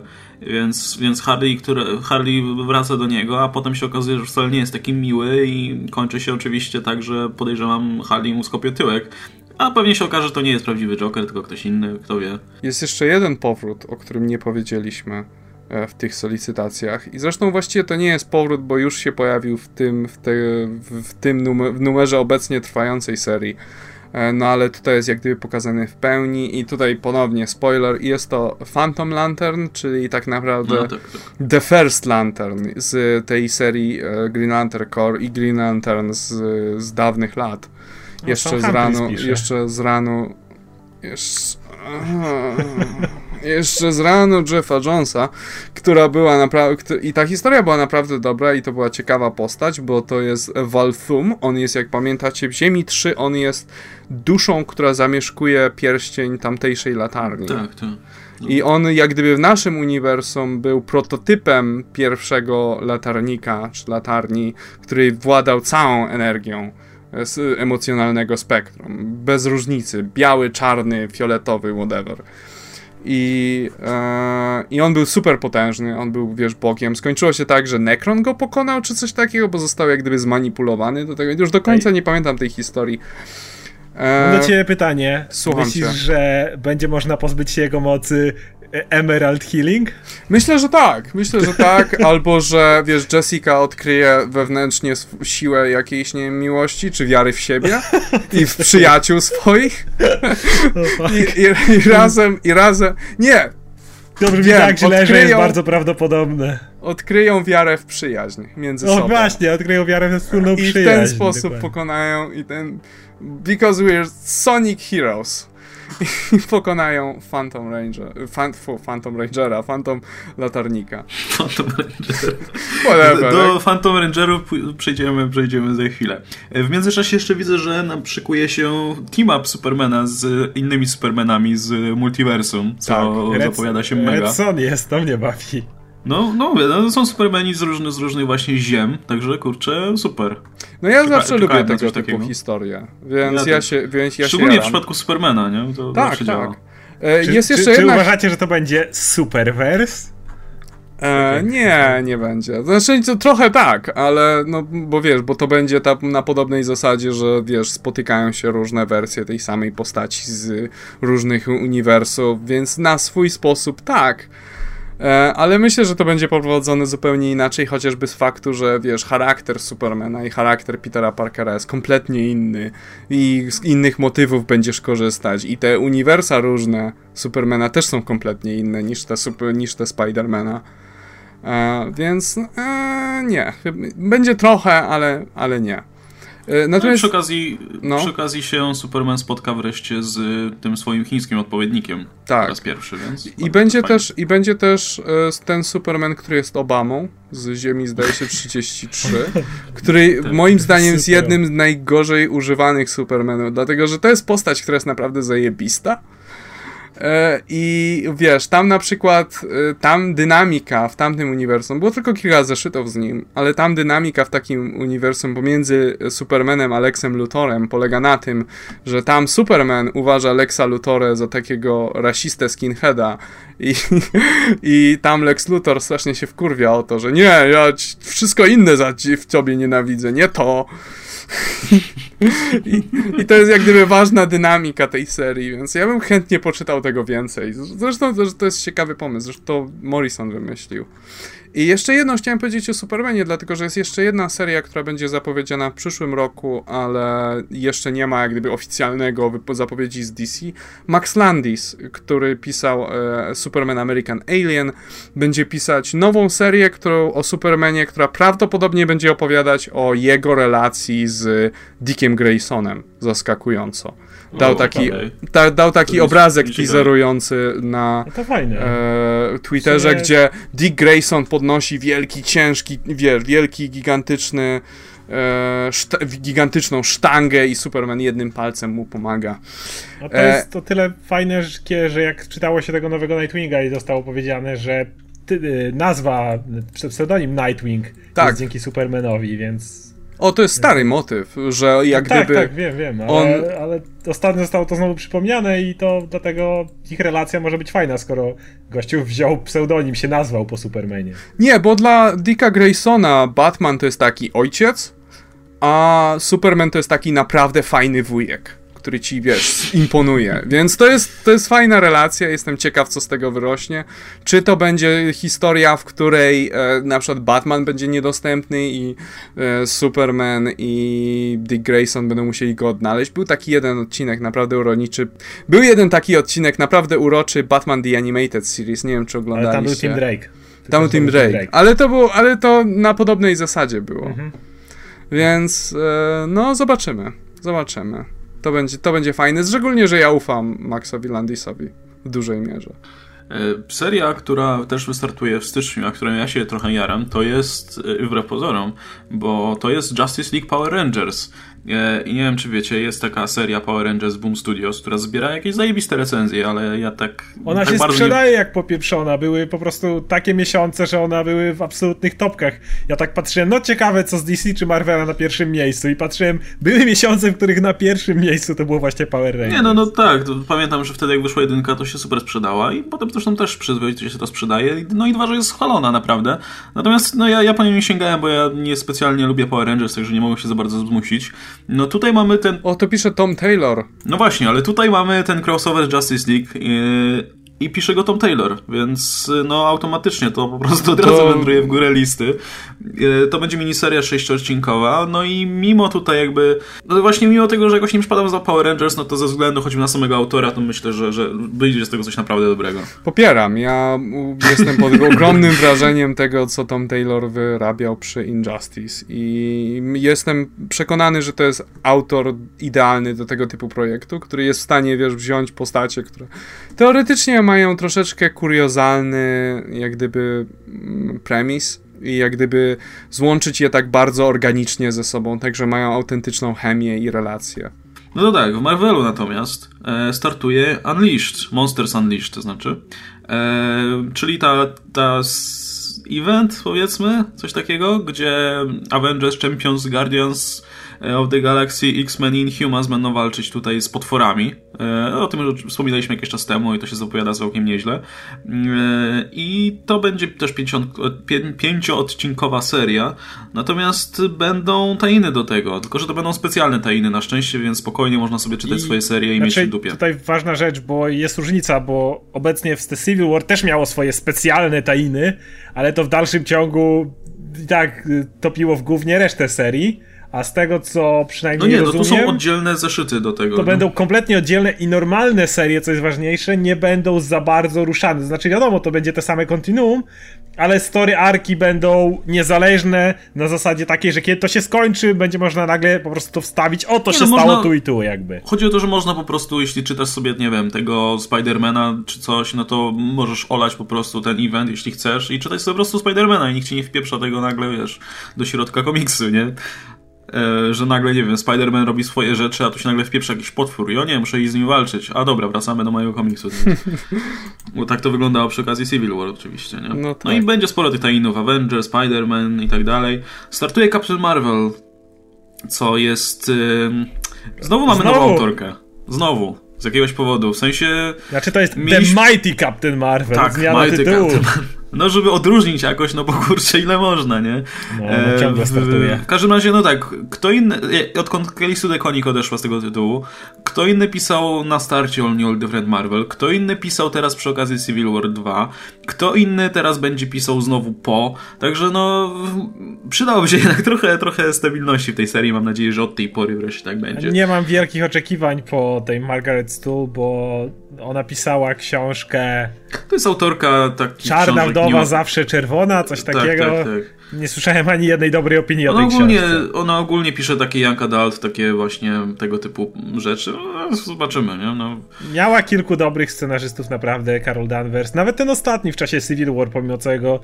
Jak ja, ja uważam, że Michael Brian Bendis ma osobistą e, vendetę na Captain Marvel i chce ją zniszczyć. Może chciał ją pisać i wie, w którymś momencie nie mógł.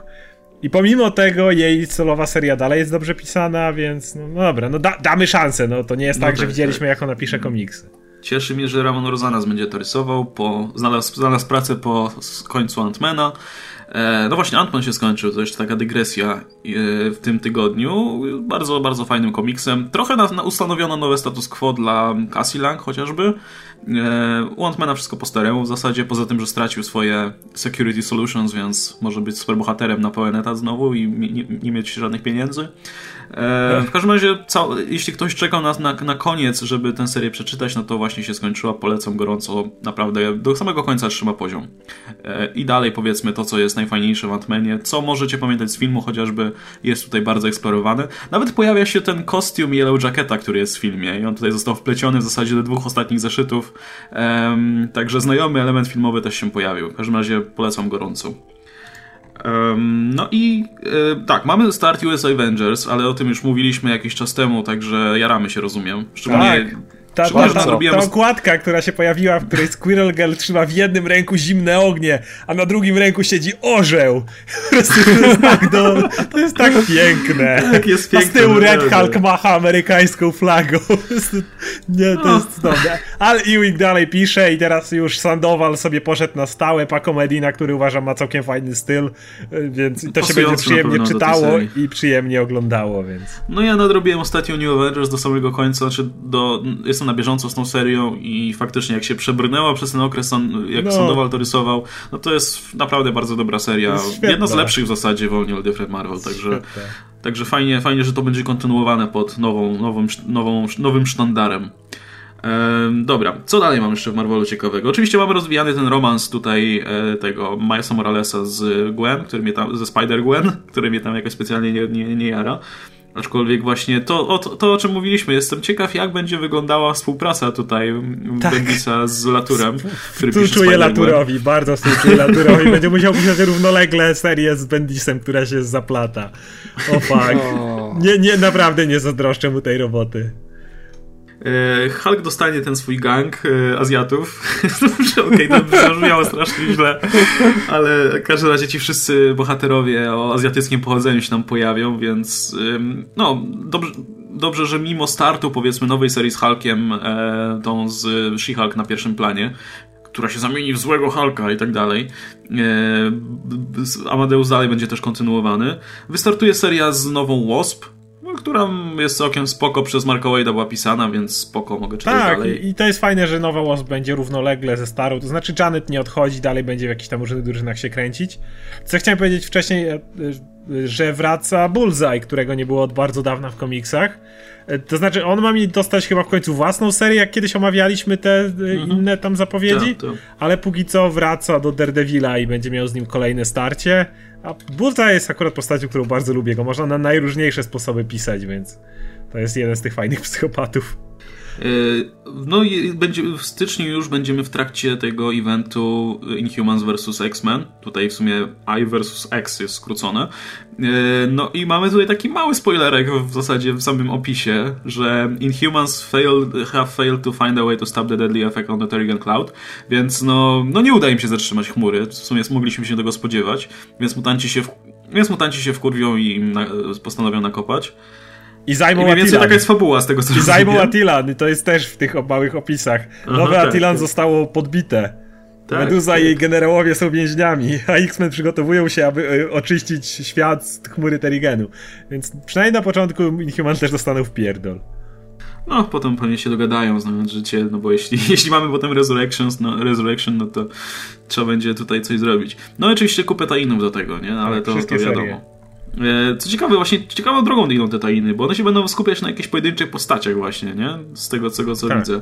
Także, także całkiem, całkiem nawet spoko. For, nawet Forge dostanie swój zeszyt. Aha. No właśnie, Ale Forge, ostatnio który Forge tam jest, biedny siedzi w tym... Jest trochę ostatnio jednak wypychany, no. No jest, jest. Miał tą fajną scenę w, w Extraordinary X-Men, gdzie go Apokalips kusił, żeby zdradził tutaj swoich kompanów, którzy go nie szanują i tak dalej. A on się nie dał po prostu przekabacić, także... Good, Ej, good guy. Adam, przeczytam ci opis jednej, jednego z zeszytów, na który czekasz. Gwen Stacy wróciła do świata yeah, żywych i, i współpracuje z Jackalem, ale dlaczego? Nie jest zła, nie jest kontrolowana. Co Słuchajcie, pchnęło jest... ją, aby stać... Co pchnęło? I teraz uwaga, piękny tekst. Jedną z najbardziej ukochanych postaci w historii Marvela, ukochanych aby przyłączyć siły przeciwko Spider-Manowi. To nie jest pisane... Słuchajcie, to nie jest... Ten komiks nie jest taki samoświadomy, bo to tak brzmi nie jest. Jakby się nabijał z tego. Najbardziej ukochany znanych postaci w historii Marvela. Wiesz co, Clone Saga 2 Electric Boogaloo już trwa. I jest, e, nie jest samoświadomy ani trochę. Jakby nie, nie zdaje sobie ani. Ja nie mam pojęcia, jak to Dan Slott pisze w ogóle, dlatego że to jest dobry scenarzysta. To jest świetny scenarzysta, który w dodatku kocha Spidermana. A... I nagle pisze taki kompletny bełkot. Tak. Jak gdyby czytałeś Spidermana ostatniego. Tak, tak, oczywiście. Oktopus, który jest, o Boże, który jednym ruchem, myślałem, że e, tamta poprzednia, kiedyś opowiadałem na łamach też Comics Weekly o tym, jak wyrzucono do kosza cały rozwój Superior Spidermana, więc jeżeli tam wyrzucono do kosza, to tutaj jeszcze wrzucono to do jakiejś niszczałki i potem wrzucili nie. to, co zostało do, do, do, do spalenia. To się w ogóle nie wydarzyło, jak gdyby. To, to, ta seria się zachowuje tak, jakby Superior Spider-Man w ogóle nie Niczego miał się miejsca. nie nauczył, nie nie, wrócił. Nie, Aha, tak. jestem doktorem Oktopusem, teraz pokażę. Tak. Jestem zajebisty. A. Jestem teraz u szczytu swoich sił, chociaż tak. nadal mam kurwa jestem nadwagę. Starym, i... Jestem starym grubasem. A teraz mu pokażę. No dobra, ale słuchajcie, o tym, o tym okay. będziecie nawijać za tydzień. Tak, ja chciałem powiedzieć o innej serii, a raczej seriach dwóch. I to jest najlepsze, że oczywiście poza nową najbardziej jaram się dwoma seriami, którymi nigdy mi się nie spodziewał, że będę się jarał. I to są Tory tory, które do czasu tak naprawdę ranu Jasona Arona, Boża Bomba i ten e, God Butcher miałem kompletnie w dupie Tora. Boża Bomba i God Butcher. No, zapomniałem jak to bo, rzeźnik bogów, zabójca bogów. W każdym razie miałem kompletnie w dupie Tora. W tamtej serii był spoko, ale później ta seria według mnie trochę też straciła pary. I teraz mam dwie serie i to jest naprawdę absolutnie się nimi na maksa jaram. Pierwsza to jest oczywiście Mighty Thor, kontynuacja Thor Jane Foster. Dalej pisze to Jason Aaron. E, dalej rysuje to. Czekaj, kto to rysował? Russell Dotterman. Tak, i to są przepiękne e, rysunki. I dochodzi do starcia pomiędzy Imperium Shi'ar a Asgardem, czyli dostaje kosmiczną wojnę, czyli to, co kocham Marvelu najbardziej, którą pisze Jason Aaron, koleś, który jest tak wszechstronny, że chyba bardziej się nie da. Więc to już jest, mam się czym jarać, ten e, variant cover E, nazywa się Ryan Suk chyba. Czy to jest Sorrentino cover? Nie pamiętam. Sorrentino, Sorrentino. No, o, no to, to w sumie się nie dziwię, czemu jest tak piękny. Więc cover e, Sorrentino, w którym Thor Jane Foster stoi naprzeciwko gladiatora, jest tak prześliczny, że mógłbym sobie go jako plakat powiesić. To też podlinkuję w takim razie, żeby Podlinkuj koniecznie, jest przepiękny. I e, Także niesamowicie się jaram, a to jest seria Thor, no kto by pomyślał, ale mało tego. Jason Aaron pisze drugą serię, The Unworthy Thor, to już wiedzieliśmy od dawna, będzie Odinson, który Znaczy szuka... miniseria, nie? Ta, to jest miniseria, w której Odinson będzie szukał młota Ultimate, żeby odzyskać siły i okej, okay, o tym wiedzieliśmy od dawna. Ale teraz się dowiadujemy, że on będzie tu w team-upie z Beta Ray Billem, który znowu jest jedną z moich ulubionych kosmicznych postaci, a y, jeżeli ktokolwiek czytał historię Thora, te starsze, które tak jak mówię, w większości miałem gdzieś, ale w momencie, kiedy on był w duecie z Beta Ray Billem, oni mieli tak rewelacyjną relację, tak re rewelacyjną dynamikę między sobą, że jeżeli dostanę teraz miniserię, w której oni jako buddy przeszukują razem galaktykę, spuszczając w pierdol po drodze, szukając młota, i znowu pisze to Jason Aaron, ja naprawdę jestem zdziwiony, ale tory, obie, obie te seria i miniseria, to jest to, na co czekam najbardziej ponownie z, z tych y, komiksów. No, ja, ja również. To szczególnie, że na przykład Mighty Thor trzyma poziom, także... E, no i też szczerze mówiąc tęskniłem się za Odinsonem trochę. Nie, nieważne w jakim wcieleniu, ale, ale trochę mi go brakuje, bo ostatnio go niestety nie, nie było od, w zasadzie od końca Secret Wars, niestety. Um, dobra, to przejdźmy dalej w takim razie. Jest bardzo ciekawa miniseria, która się pojawi, która się nazywa Deadpool the Duck. e, to, to będzie miał 5 zeszytów e, i pisze to Stuart Moore. Natomiast to mamy bardzo cieka ciekawą, ciekawe założenie, bo mamy Deadpoola, który jest na misji. On spotyka Howarda, e, mają krótki team-up, a potem niestety coś idzie nie tak i się łączą w jedną osobę, więc um, zabójcę, który wygląda jak kaczka i będą walczyć o kontrolę nad umysłem, więc no brzmi bardzo dobrze. Nie, tak, nie. Szczególnie, że to będzie jeszcze rozpisane na pięć zeszytów. Ja się cieszę. Nie, będę, będę czytał. Nie kręci w ogóle. A, dobra, i co dalej jeszcze w takim razie? Teraz tak, przelecę przez te... Ciekawostek żeby... na pewno Occupy Avengers, którym wreszcie dowiedzieliśmy się trochę więcej o tym, bo wiedzieliśmy o tym, że to będzie seria, w której będzie Hawkeye i chyba niewiele więcej. Teraz wiemy, że to będzie Hawkeye, który tak, jeździ po świecie, po Stanach Zjednoczonych i on chce odpokutować trochę to, że zajebał Bannera, bo tak. W każdym razie będzie starał się pomagać ludziom bardziej w takich mniejszych miejscowościach, małych miasteczkach, no być Avengerem dla dużo mniejszych społeczności. Dołączy do niego, co już wiedzieliśmy od jakiegoś czasu, Red Wolf, ale było powiedziane wcześniej, że to jest seria, w której też Hawkeye ma zbierać innych bohaterów, którzy nie posiadają raczej supermocy i tu wiemy, że dołączy do nich również Nighthawk, który straci swoją serię, ale jak widać postać nie zniknie, bo również tu się znajdzie, więc to no jest... to jest idealna postać do czegoś takiego, także no, będzie to jest też taka bardzo zaangażowania, zaangażowana społecznie. dla Clint'a Bartona. No tak, to też. Co jeszcze ciekawego? No, Bardzo podoba mamy się... tak, mamy oczywiście Ironmany, nie? I teraz e, z jednej strony Ciri, o której tam się dowiadujemy, że ona będzie tutaj poznawać swoją rolę i tak dalej. E, I to może nie w grudniowej, ale chyba, w, znaczy nie w styczniowej, ale chyba w grudniowej, w grudniowych zapowiedziach była mowa o tym, że Doktor Doom, Victor Von Doom, który teraz jest oczywiście nowym Ironmanem, e, spotka się z Pepper Potts, która nie będzie tutaj zadowolona, że on przyjął miano Ironmana, no i ona założy swoją zbroję Rescue i będą się napieprzać. E, no i jeśli jesteśmy właśnie przy temacie e, Infamous Ironmana, no to pojawiła się jedynka w tym tygodniu, tak. która moim zdaniem była cholernie nudna i bezbarwna i tak jak czekałem na tą serię, myślałem, że będzie z tego coś ciekawego, tak w zasadzie byłem bardzo rozczarowany po tym, bo ani ona nic nam nie powiedziała, przynajmniej z moim, moim zdaniem ciekawego o, o samym Dumie, nie powiedziała nam o jego motywacji, żeby tę zbroję wziąć, bo w zasadzie jedyne co mówi to, że no powinienem, bo tak bo jestem dum. E, I poza tym, no, kurczę, bo przy, po prostu nawet nie zauważyłem, kiedy to przeczytałem, bo po prostu ta historia tak, tak, była tak słabo właśnie opowiedziana, w ogóle mnie nie wciągnęła i, i w momencie, kiedy był koniec, to stwierdziłem, a, już? Wszystko. To wszystko? W sensie nie było żadnego znaczy... pierdolnięcia, które powinno być w pierwszym zeszycie, żebym się jarał. Ja myślę, no że to jest historia, którą, której trzeba by przeczytać więcej zeszytów po prostu, żeby coś powiedzieć, dlatego, że to jest tak, jakbyś wziął wstęp z jakiejś książki i no tak, prolog wiesz, wyrwał, przeczytał inaczej, wiesz, i ocenia. Bendis, tylko problem jest taki, że Bendis słynie z pierwszych numerów. Jeżeli pierwszy numer Bendisa nie powoduje, że ło, ale to fajne, to masz złe przeczucia, jak będzie dalej. Bo to Bendis słynie z tego, że dobrze Iron zaczyna. Manem, Właśnie, Iron Man ostatni, a potem im dalej, tym gorzej było. No dobra, miał potem pod koniec kilka jakichś tam lepszych, po, ale i tak nie mających ani trochę, wiesz, porównania z poziomem początku. Według mnie, jeśli chodzi o Infamous Ironmana, wszystko co jest istotne w tym komikcie jest na dwóch pierwszych stronach. Czyli retrospekcja, kiedy on gada z Hoodem i, i e, jest zadane pytanie, czego jeszcze może chcieć Doom, który już miał wszystko. I, to, I na tym to jest wszystko, co jest interesujące, bo cała reszta tego komiksu to jest takie, no nie dowiadujemy się nic nowego, nie dowiadujemy, nie mamy żadnych fajnych interakcji, akcji. Właściwie, okej, okay, no może byłbym w stanie inaczej na to popatrzeć, zakładając, że to byłby komiks dla znowu ludzi, którzy mieszkają w szafie w kwestii komiksów. Wiecie, wchodzę do sklepu z komiksami, nie mam zielonego pojęcia, że Doom ma zostać Iron Manem i nagle, o, co się dzieje? I dostaję tutaj parę informacji. Natomiast jeżeli śledziliście jakiekolwiek informacje, to w tym komiksie nie ma absolutnie nic nowego. Po prostu to jest takie, przypomnijmy to, co już wiemy. I, i no. Ben Grimm jest z S.H.I.E.L.D. Ja miałem taki problem, bo pod koniec tego zeszytu jest interakcja pomiędzy Doomem a jak gdyby hologramem Tonego Starka, który teraz jest sztuczną inteligencją, tak jak przewidywaliśmy. O, dokładnie. E, no i to był duży potencjał na wiesz, ciekawą, jak gdyby znaczącą rozmowę pomiędzy tymi dwoma. I to, było, jest... i to było takie i to było takie. To jest kalka ich każdej rozmowy z poprzednich tak, zeszytów. Ale to była ta rozmowa w ogóle była jakaś głupia. To było na takiej zasadzie, hej, będę Iron Manem, proszę nie, a, a chuj. I koniec.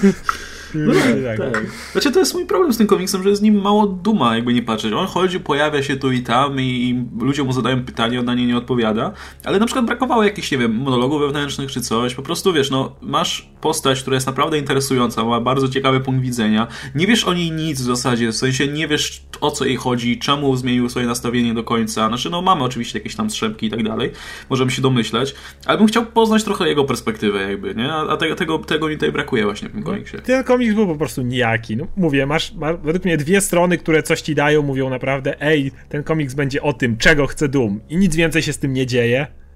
I to jest taki komiks. Ja nie powiem, żeby nie było wątpliwości, nie uważam, że ten komiks jest śmieciem. Ja nie uważam, że to jest komiks na poziomie Hopelessa, All New X-Men, czy sama Humphreisa, czy tych cudownych innych twórców.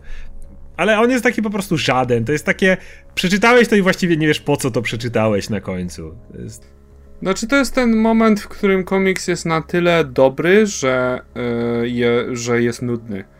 Jest na tyle dobry, że nie masz beki z tego, jaki jest beznadziejny, więc nie masz, nie masz tak. rozrywki z tego. I jest na tyle słaby, że wiesz, że nie masz z tego też tak naprawdę rozrywki, więc jest po prostu nudny, nijaki.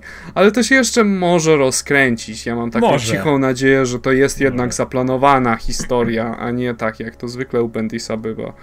No ale tak Więc jak mówiliśmy, on teraz pisze zobaczymy. 10 serii czy ileś. Niewykluczone, że to się odbija właśnie na, na jakości tego. No to też możliwe, niestety. No Bendis niestety. No już rozmawialiśmy o Bendisie dużo no, ostatnio. Już bardzo napieprzali. No, ale to jest też ciekawa sytuacja, znaczy trochę słaba sytuacja w sumie, że to jest jakby druga jedynka z rzędu Bendisa, która zupełnie nie wywołuje emocji. Po tak. prostu patrzymy na nią, eh, okej. Okay. To jest problem, bo ten gość właśnie jedynki miał dobre i, i pierwszych parę zrzutów miał dobrych. A tu mamy Jessica i dwa tygodnie później Duma i nie. Szczególnie, że koncept jest naprawdę dobry. myślę, że, że myślę, no, że pomysł że w ogóle złoczyńcy biorącego, wiesz, jak gdyby miano bohatera i postanawiającego zrobić coś jako ten bohater jest bardzo bardzo interesujący, zresztą porównaj to, to jest bardzo podobny kom koncept do Superiora, Superior Spider-Man i popatrz jak tam jedynka była dużo lepiej zrobiona, nawet jeśli wiesz, pojawił się ten duch Petera Parkera, który trochę zrujnował wszystko, to, bo się pojawił już w pierwszym zeszycie. E, to mimo wszystko, jak gdyby dużo więcej ci tam ta seria mówiła o tym, co będzie później. Du dużo, ta jedynka mówiła ci dużo więcej, co będzie później niż tutaj tutaj jak gdyby nie wiesz, co myśleć na ten temat. No nic, to czekamy na Riri w takim razie ostatnia szansa po prostu. A swoją drogą to też jest kolejna jedynka z, z Marvel Now 2.0, która mnie nie porywa specjalnie. Do tej pory podobało mi się, naprawdę mi się podobało Champions, podobało mi się Death of X, Um, natomiast to jest miniseria, ale z ongoingów przynajmniej. Podobało mi się właśnie Champions i podobało mi się Mozaik w miarę. A poza tym jakoś nic mnie tutaj specjalnie nie zachwyciło. I także póki co trochę jestem jednak rozczarowany jakością tych, tych zeszytów. To chyba jest większość takich najciekawszych rzeczy. No wróci, Qua wróci Quasar jeszcze do, do Steve'a Rogersa. Właśnie Quasar to się pojawiła, a potem zniknęła. Tak, no. o Steve'ie Rogersie bardziej chciałem powiedzieć co innego. Po pierwsze to okay. coraz te, ta okładka, w której on siedzi i przesuwa szachownicę. Ja uwielbiam nowego Steve'a Rogersa, który jest gościem z planem i myśli dalekofalowo i w ogóle to jest super. Ale chciałem powiedzieć o tym, że wraca Taskmaster, który z tego co rozumiemy od, odkryje sekret Steve'a Rogersa, natomiast Taskmaster, szczególnie jak jest w rękach, ale Nika Spencera, ale nie tylko, e, jak pisał go pisanego w innych miejscach też, to uważam, że jest to rewelacyjna postać, bo jest gość, który powinien być totalnym wymiataczem i klepać tyłek wszystkim, ale tego nie robi i zawsze go biją, ale przy okazji jest niesamowity, także bardzo się cieszę z powodu Taskmastera. E, przelecenie szybko jeszcze po paru innych seriach. E, Venom zaznaczają wyraźnie, że to nie, że to jest wielki zły, teraz nowy nosiciel i symbiot wraca do starych swoich metod. To jest to jedna rzecz, która nie potrzebowała Rebirth. Jeszcze że to będzie McGargan, rysuje to Gerardo Sandoval, hej, fajnie, jedna seria mniej do czytania.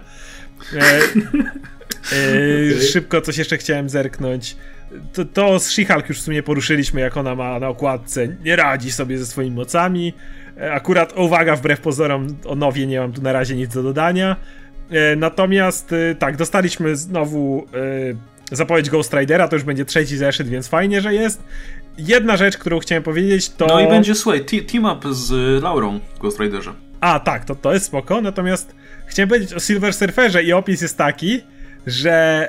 Yy Silver Surfer być może znowu wróci na, będąc tym Silver Surferem, którego znamy, wróci na usługi jako Herald Galactusa, tylko twist. Pamiętajmy, że Galactus nie jest, nie jest pożeraczem w tej chwili. Więc po co Herald, który będzie na tym przylatywał? Ej, martwy świecie, wiem, że nikt mnie nie słyszy, ale przylatuje mój władca i zaraz odnowi tu życie. No ale będzie latał i mu szukał tych planet, nie? Ale jako gość, który lata i szuka planet, spoko i to jest, można fajnie połączyć, bo to jest Surfer byłby pierwszy w kolejce, żeby zostać Heraldem po, tym wszystk po wszystkich światach, na które zaprowadził Galactusa, żeby je rozpieprzyć. Kiedy dowiedziałby się, że może być teraz gościem, który szuka Galactusowi planet, który on może odrestaurować, to byłby pierwszy w kolejce i myślę, że Down Greenwood nie miałaby wiele przeciwko. No tak. Jakby, to może być fajne na Mikasz, ja uwielbiam tego surfera dalej. Także no, to, to chyba tyle już. No dobra, słuchajcie, na sam koniec, czy macie jeszcze coś do dodania o komiksach spoza A nie, wiem, tutaj. przepraszam, jeszcze jedna rzecz. Okay. Zapowiedziano team-up Doktora Strange'a i Punishera. O, i to mnie bardzo cieszy, bo uważam, że oni zawsze ich team-upy działały świetnie. Więc to było Magic Bullets i... Yy, nawet w tym króciutkim original scene było, była pokazana ich relacja, ale za każdym razem, kiedy Punisher współpracuje z Doktorem Strange'em, to jest niesamowita relacja. No masz gościa, który przechodzi przez różne wymiary, walczy z Dormammu i jakimś Mindless One i gościa, który strzela na ulicy do gangsterów i teraz ich teamapujesz. To po prostu się prosi o, o jakieś ciekawe relacje i to też dostaniemy. Okej, okay, teraz to tyle. Okej, okay, to czy macie jeszcze coś do dodania o jakichś tam e, komiksach spoza, powiedzmy, tego, co mówiliśmy? Nic mi w tej chwili nie przechodzi nie do okay. głowy. To był, to tak. był naprawdę słaby tydzień, wydaje mi no, się. No słaby tydzień. Mi się na przykład jeszcze w miarę podobało Death of X 2, bo, bo, bo no to powiedzmy, że znalazłem parę mankamentów tam, ale podoba mi się jak są te postacie ja opisane. Mam parę zarzutów e... do tego zeszytu niestety.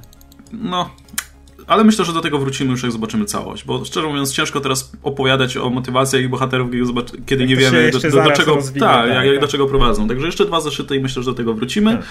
E, I na sam koniec jeszcze chciałem powiedzieć, że przeczytałem bardzo fajny zeszyt z Image, który się nazywa Reborn i sięgnąłem po to głównie dlatego, że Greg Capullo tam rysuje, e, a trochę się stęskniłem za jego stylem po Batmanie. Natomiast pisze to Mark Miller, taki, nie wiem czy kojarzycie takiego gościa. No, pisze takie nie, komiksy nie różne, nie, nie E, I komiks ma bardzo fajny koncept, bo wyobraźcie sobie taką bardzo uproszczoną, powiedzmy, powiedzmy chrześcijańską wizję e, życia po śmierci. W sensie umierasz i idziesz, powiedzmy, do nieba na przykład. No to teraz wyobraźcie sobie, że o to niebo jeszcze trzeba walczyć w takiej wielkiej armii z po prostu z najeźdźcami. I osoby, które żyją na ziemi, po śmierci się budzą jako osoby w sile wieku i tworzą wielką armię do walki z takimi potworami i tak dalej. Także Fajnie to wygląda. Narracja jest trochę taka rwana, ciężko się na początku połapać o co chodzi, ale to myślę, że, że, że zostanie naprawione z czasem, jak się będzie artysta lepiej dogadywał z, z, mm, no, z, ze scenarzystą. E, także jak ktoś potrzebuje jakiegoś nowego, fajnego tytułu z Image, to, to gorąco polecam, bo, bo całkiem nieźle się to czytało. Czytałem, da- czytałem w tym tygodniu Dark Knight 3 Master Race i ten komiks nadal się. De facto się coraz bardziej. I ten, ten zeszyt jest jak gdyby wręcz obraźliwy dla czytelnika, bo to jest taki fetyszyzm nad przemocą. E, typowy no. dla Franka Millera, gdzie wiesz, Batman rozwala gościowi czaszkę i kurde się tym jara i, i widzisz po prostu, że Frank Miller na tym poza kadrem fapie po prostu tak, o tak, Batman, o. I zdepcz mu głowę. Tak. Zdepcz mu głowę, tak, o i wiesz, i Batman się uśmiecha i cieszy się i i, i tam Batgirl jest w tle i tak, tak, super. Jest tak smutne. Jak, wiesz, jak nisko można upaść jako scenarzysta. Batgirl strzela tutaj jednemu z kryptończyków e, kawałkiem kryptonitu w oko z procy. Tak, I a przybija mu na wylot i, i potem twarz mu się roztapia. Batman patrzy i tak, dobry żołnierz. Nice. Nice. Nice. I uśmiecha się szczęśliwie. Ale to jest właśnie ten komiks, który jest na tyle gówniany, że nawet fajnie się go czyta. To Tak, jest po to jest prostu prawda. absurdalny. No i jest tam, y, jest ten mini komiks pod koniec, który już rysował sam Frank Miller, który jest... To jest taki to, to, to, ten drugi komiks jest jeszcze bardziej idiotyczny, bo to Tak. jest... e, No mamy tą córkę, tak? e, Supermana i Wonder Woman. I ona Tak jest, jest. zła, bo nie wie, co chce w życiu. No i spotyka się z Batgirl, z z Carrie Kelly, która tutaj jest, ma ten swój głupi fioletowo-zielony strój. E, No i one tam sobie walczą za jakiś czas, to znaczy głównie ta Batgirl ucieka. Tak. Jak się pojawia Wonder Woman, która zaczyna ją tam wiązać, tą swoją córkę i, i jej mówić, że, że ja cię tutaj inaczej wychowałam i w ogóle, ja mówię, kurwa. A na koniec się wszyscy rozchodzą i wracamy do, wiesz, status quo, żeby się nie kłóciło z resztą komiksu. Ale najgorsze jest to, że podczas tej walki obie jak na każdym kadrze przyjmują inną idiotyczną pozę. Jak gdyby to wiesz, wygląda jakby specjalnie pozowały do kamery. I tak co chwilę zmieniały tę pozę. O tak dobrze, tak dobrze. I no, Ale na szczęście tutaj widzę, że tuż nakładał kto inny, więc trochę chyba poprawiał te rysunki Franka, bo są trochę lepsze niż poprzednio. no ale to jest bardzo dobrze, że Batman, Batman zaprojektował ten strój Batgirl, czy Batgirl zaprojektowała go sama, bo już zgu- Nie, pogubiłem chyba Batman. Batman jej go oddał, więc chyba on go zaprojektował. Tak, no to e, trzeba przyznać, że wiesz, że pomyślał o każdym detalu i jest bad sygnał na tyłku. No. Więc to jest tak idiotyczne. Ale I są sceny, jak wiesz, który wiesz, siedzi, siedzi w, jakimś, w jakiejś aplikacji i projektuje ten strój i tak to będzie zielone, a to będzie fioletowy. O tak, tak. Dzięki temu nie będzie jej widać w a ciemności. tutaj będzie, tu będzie mój symbol i na dupie wstawię go.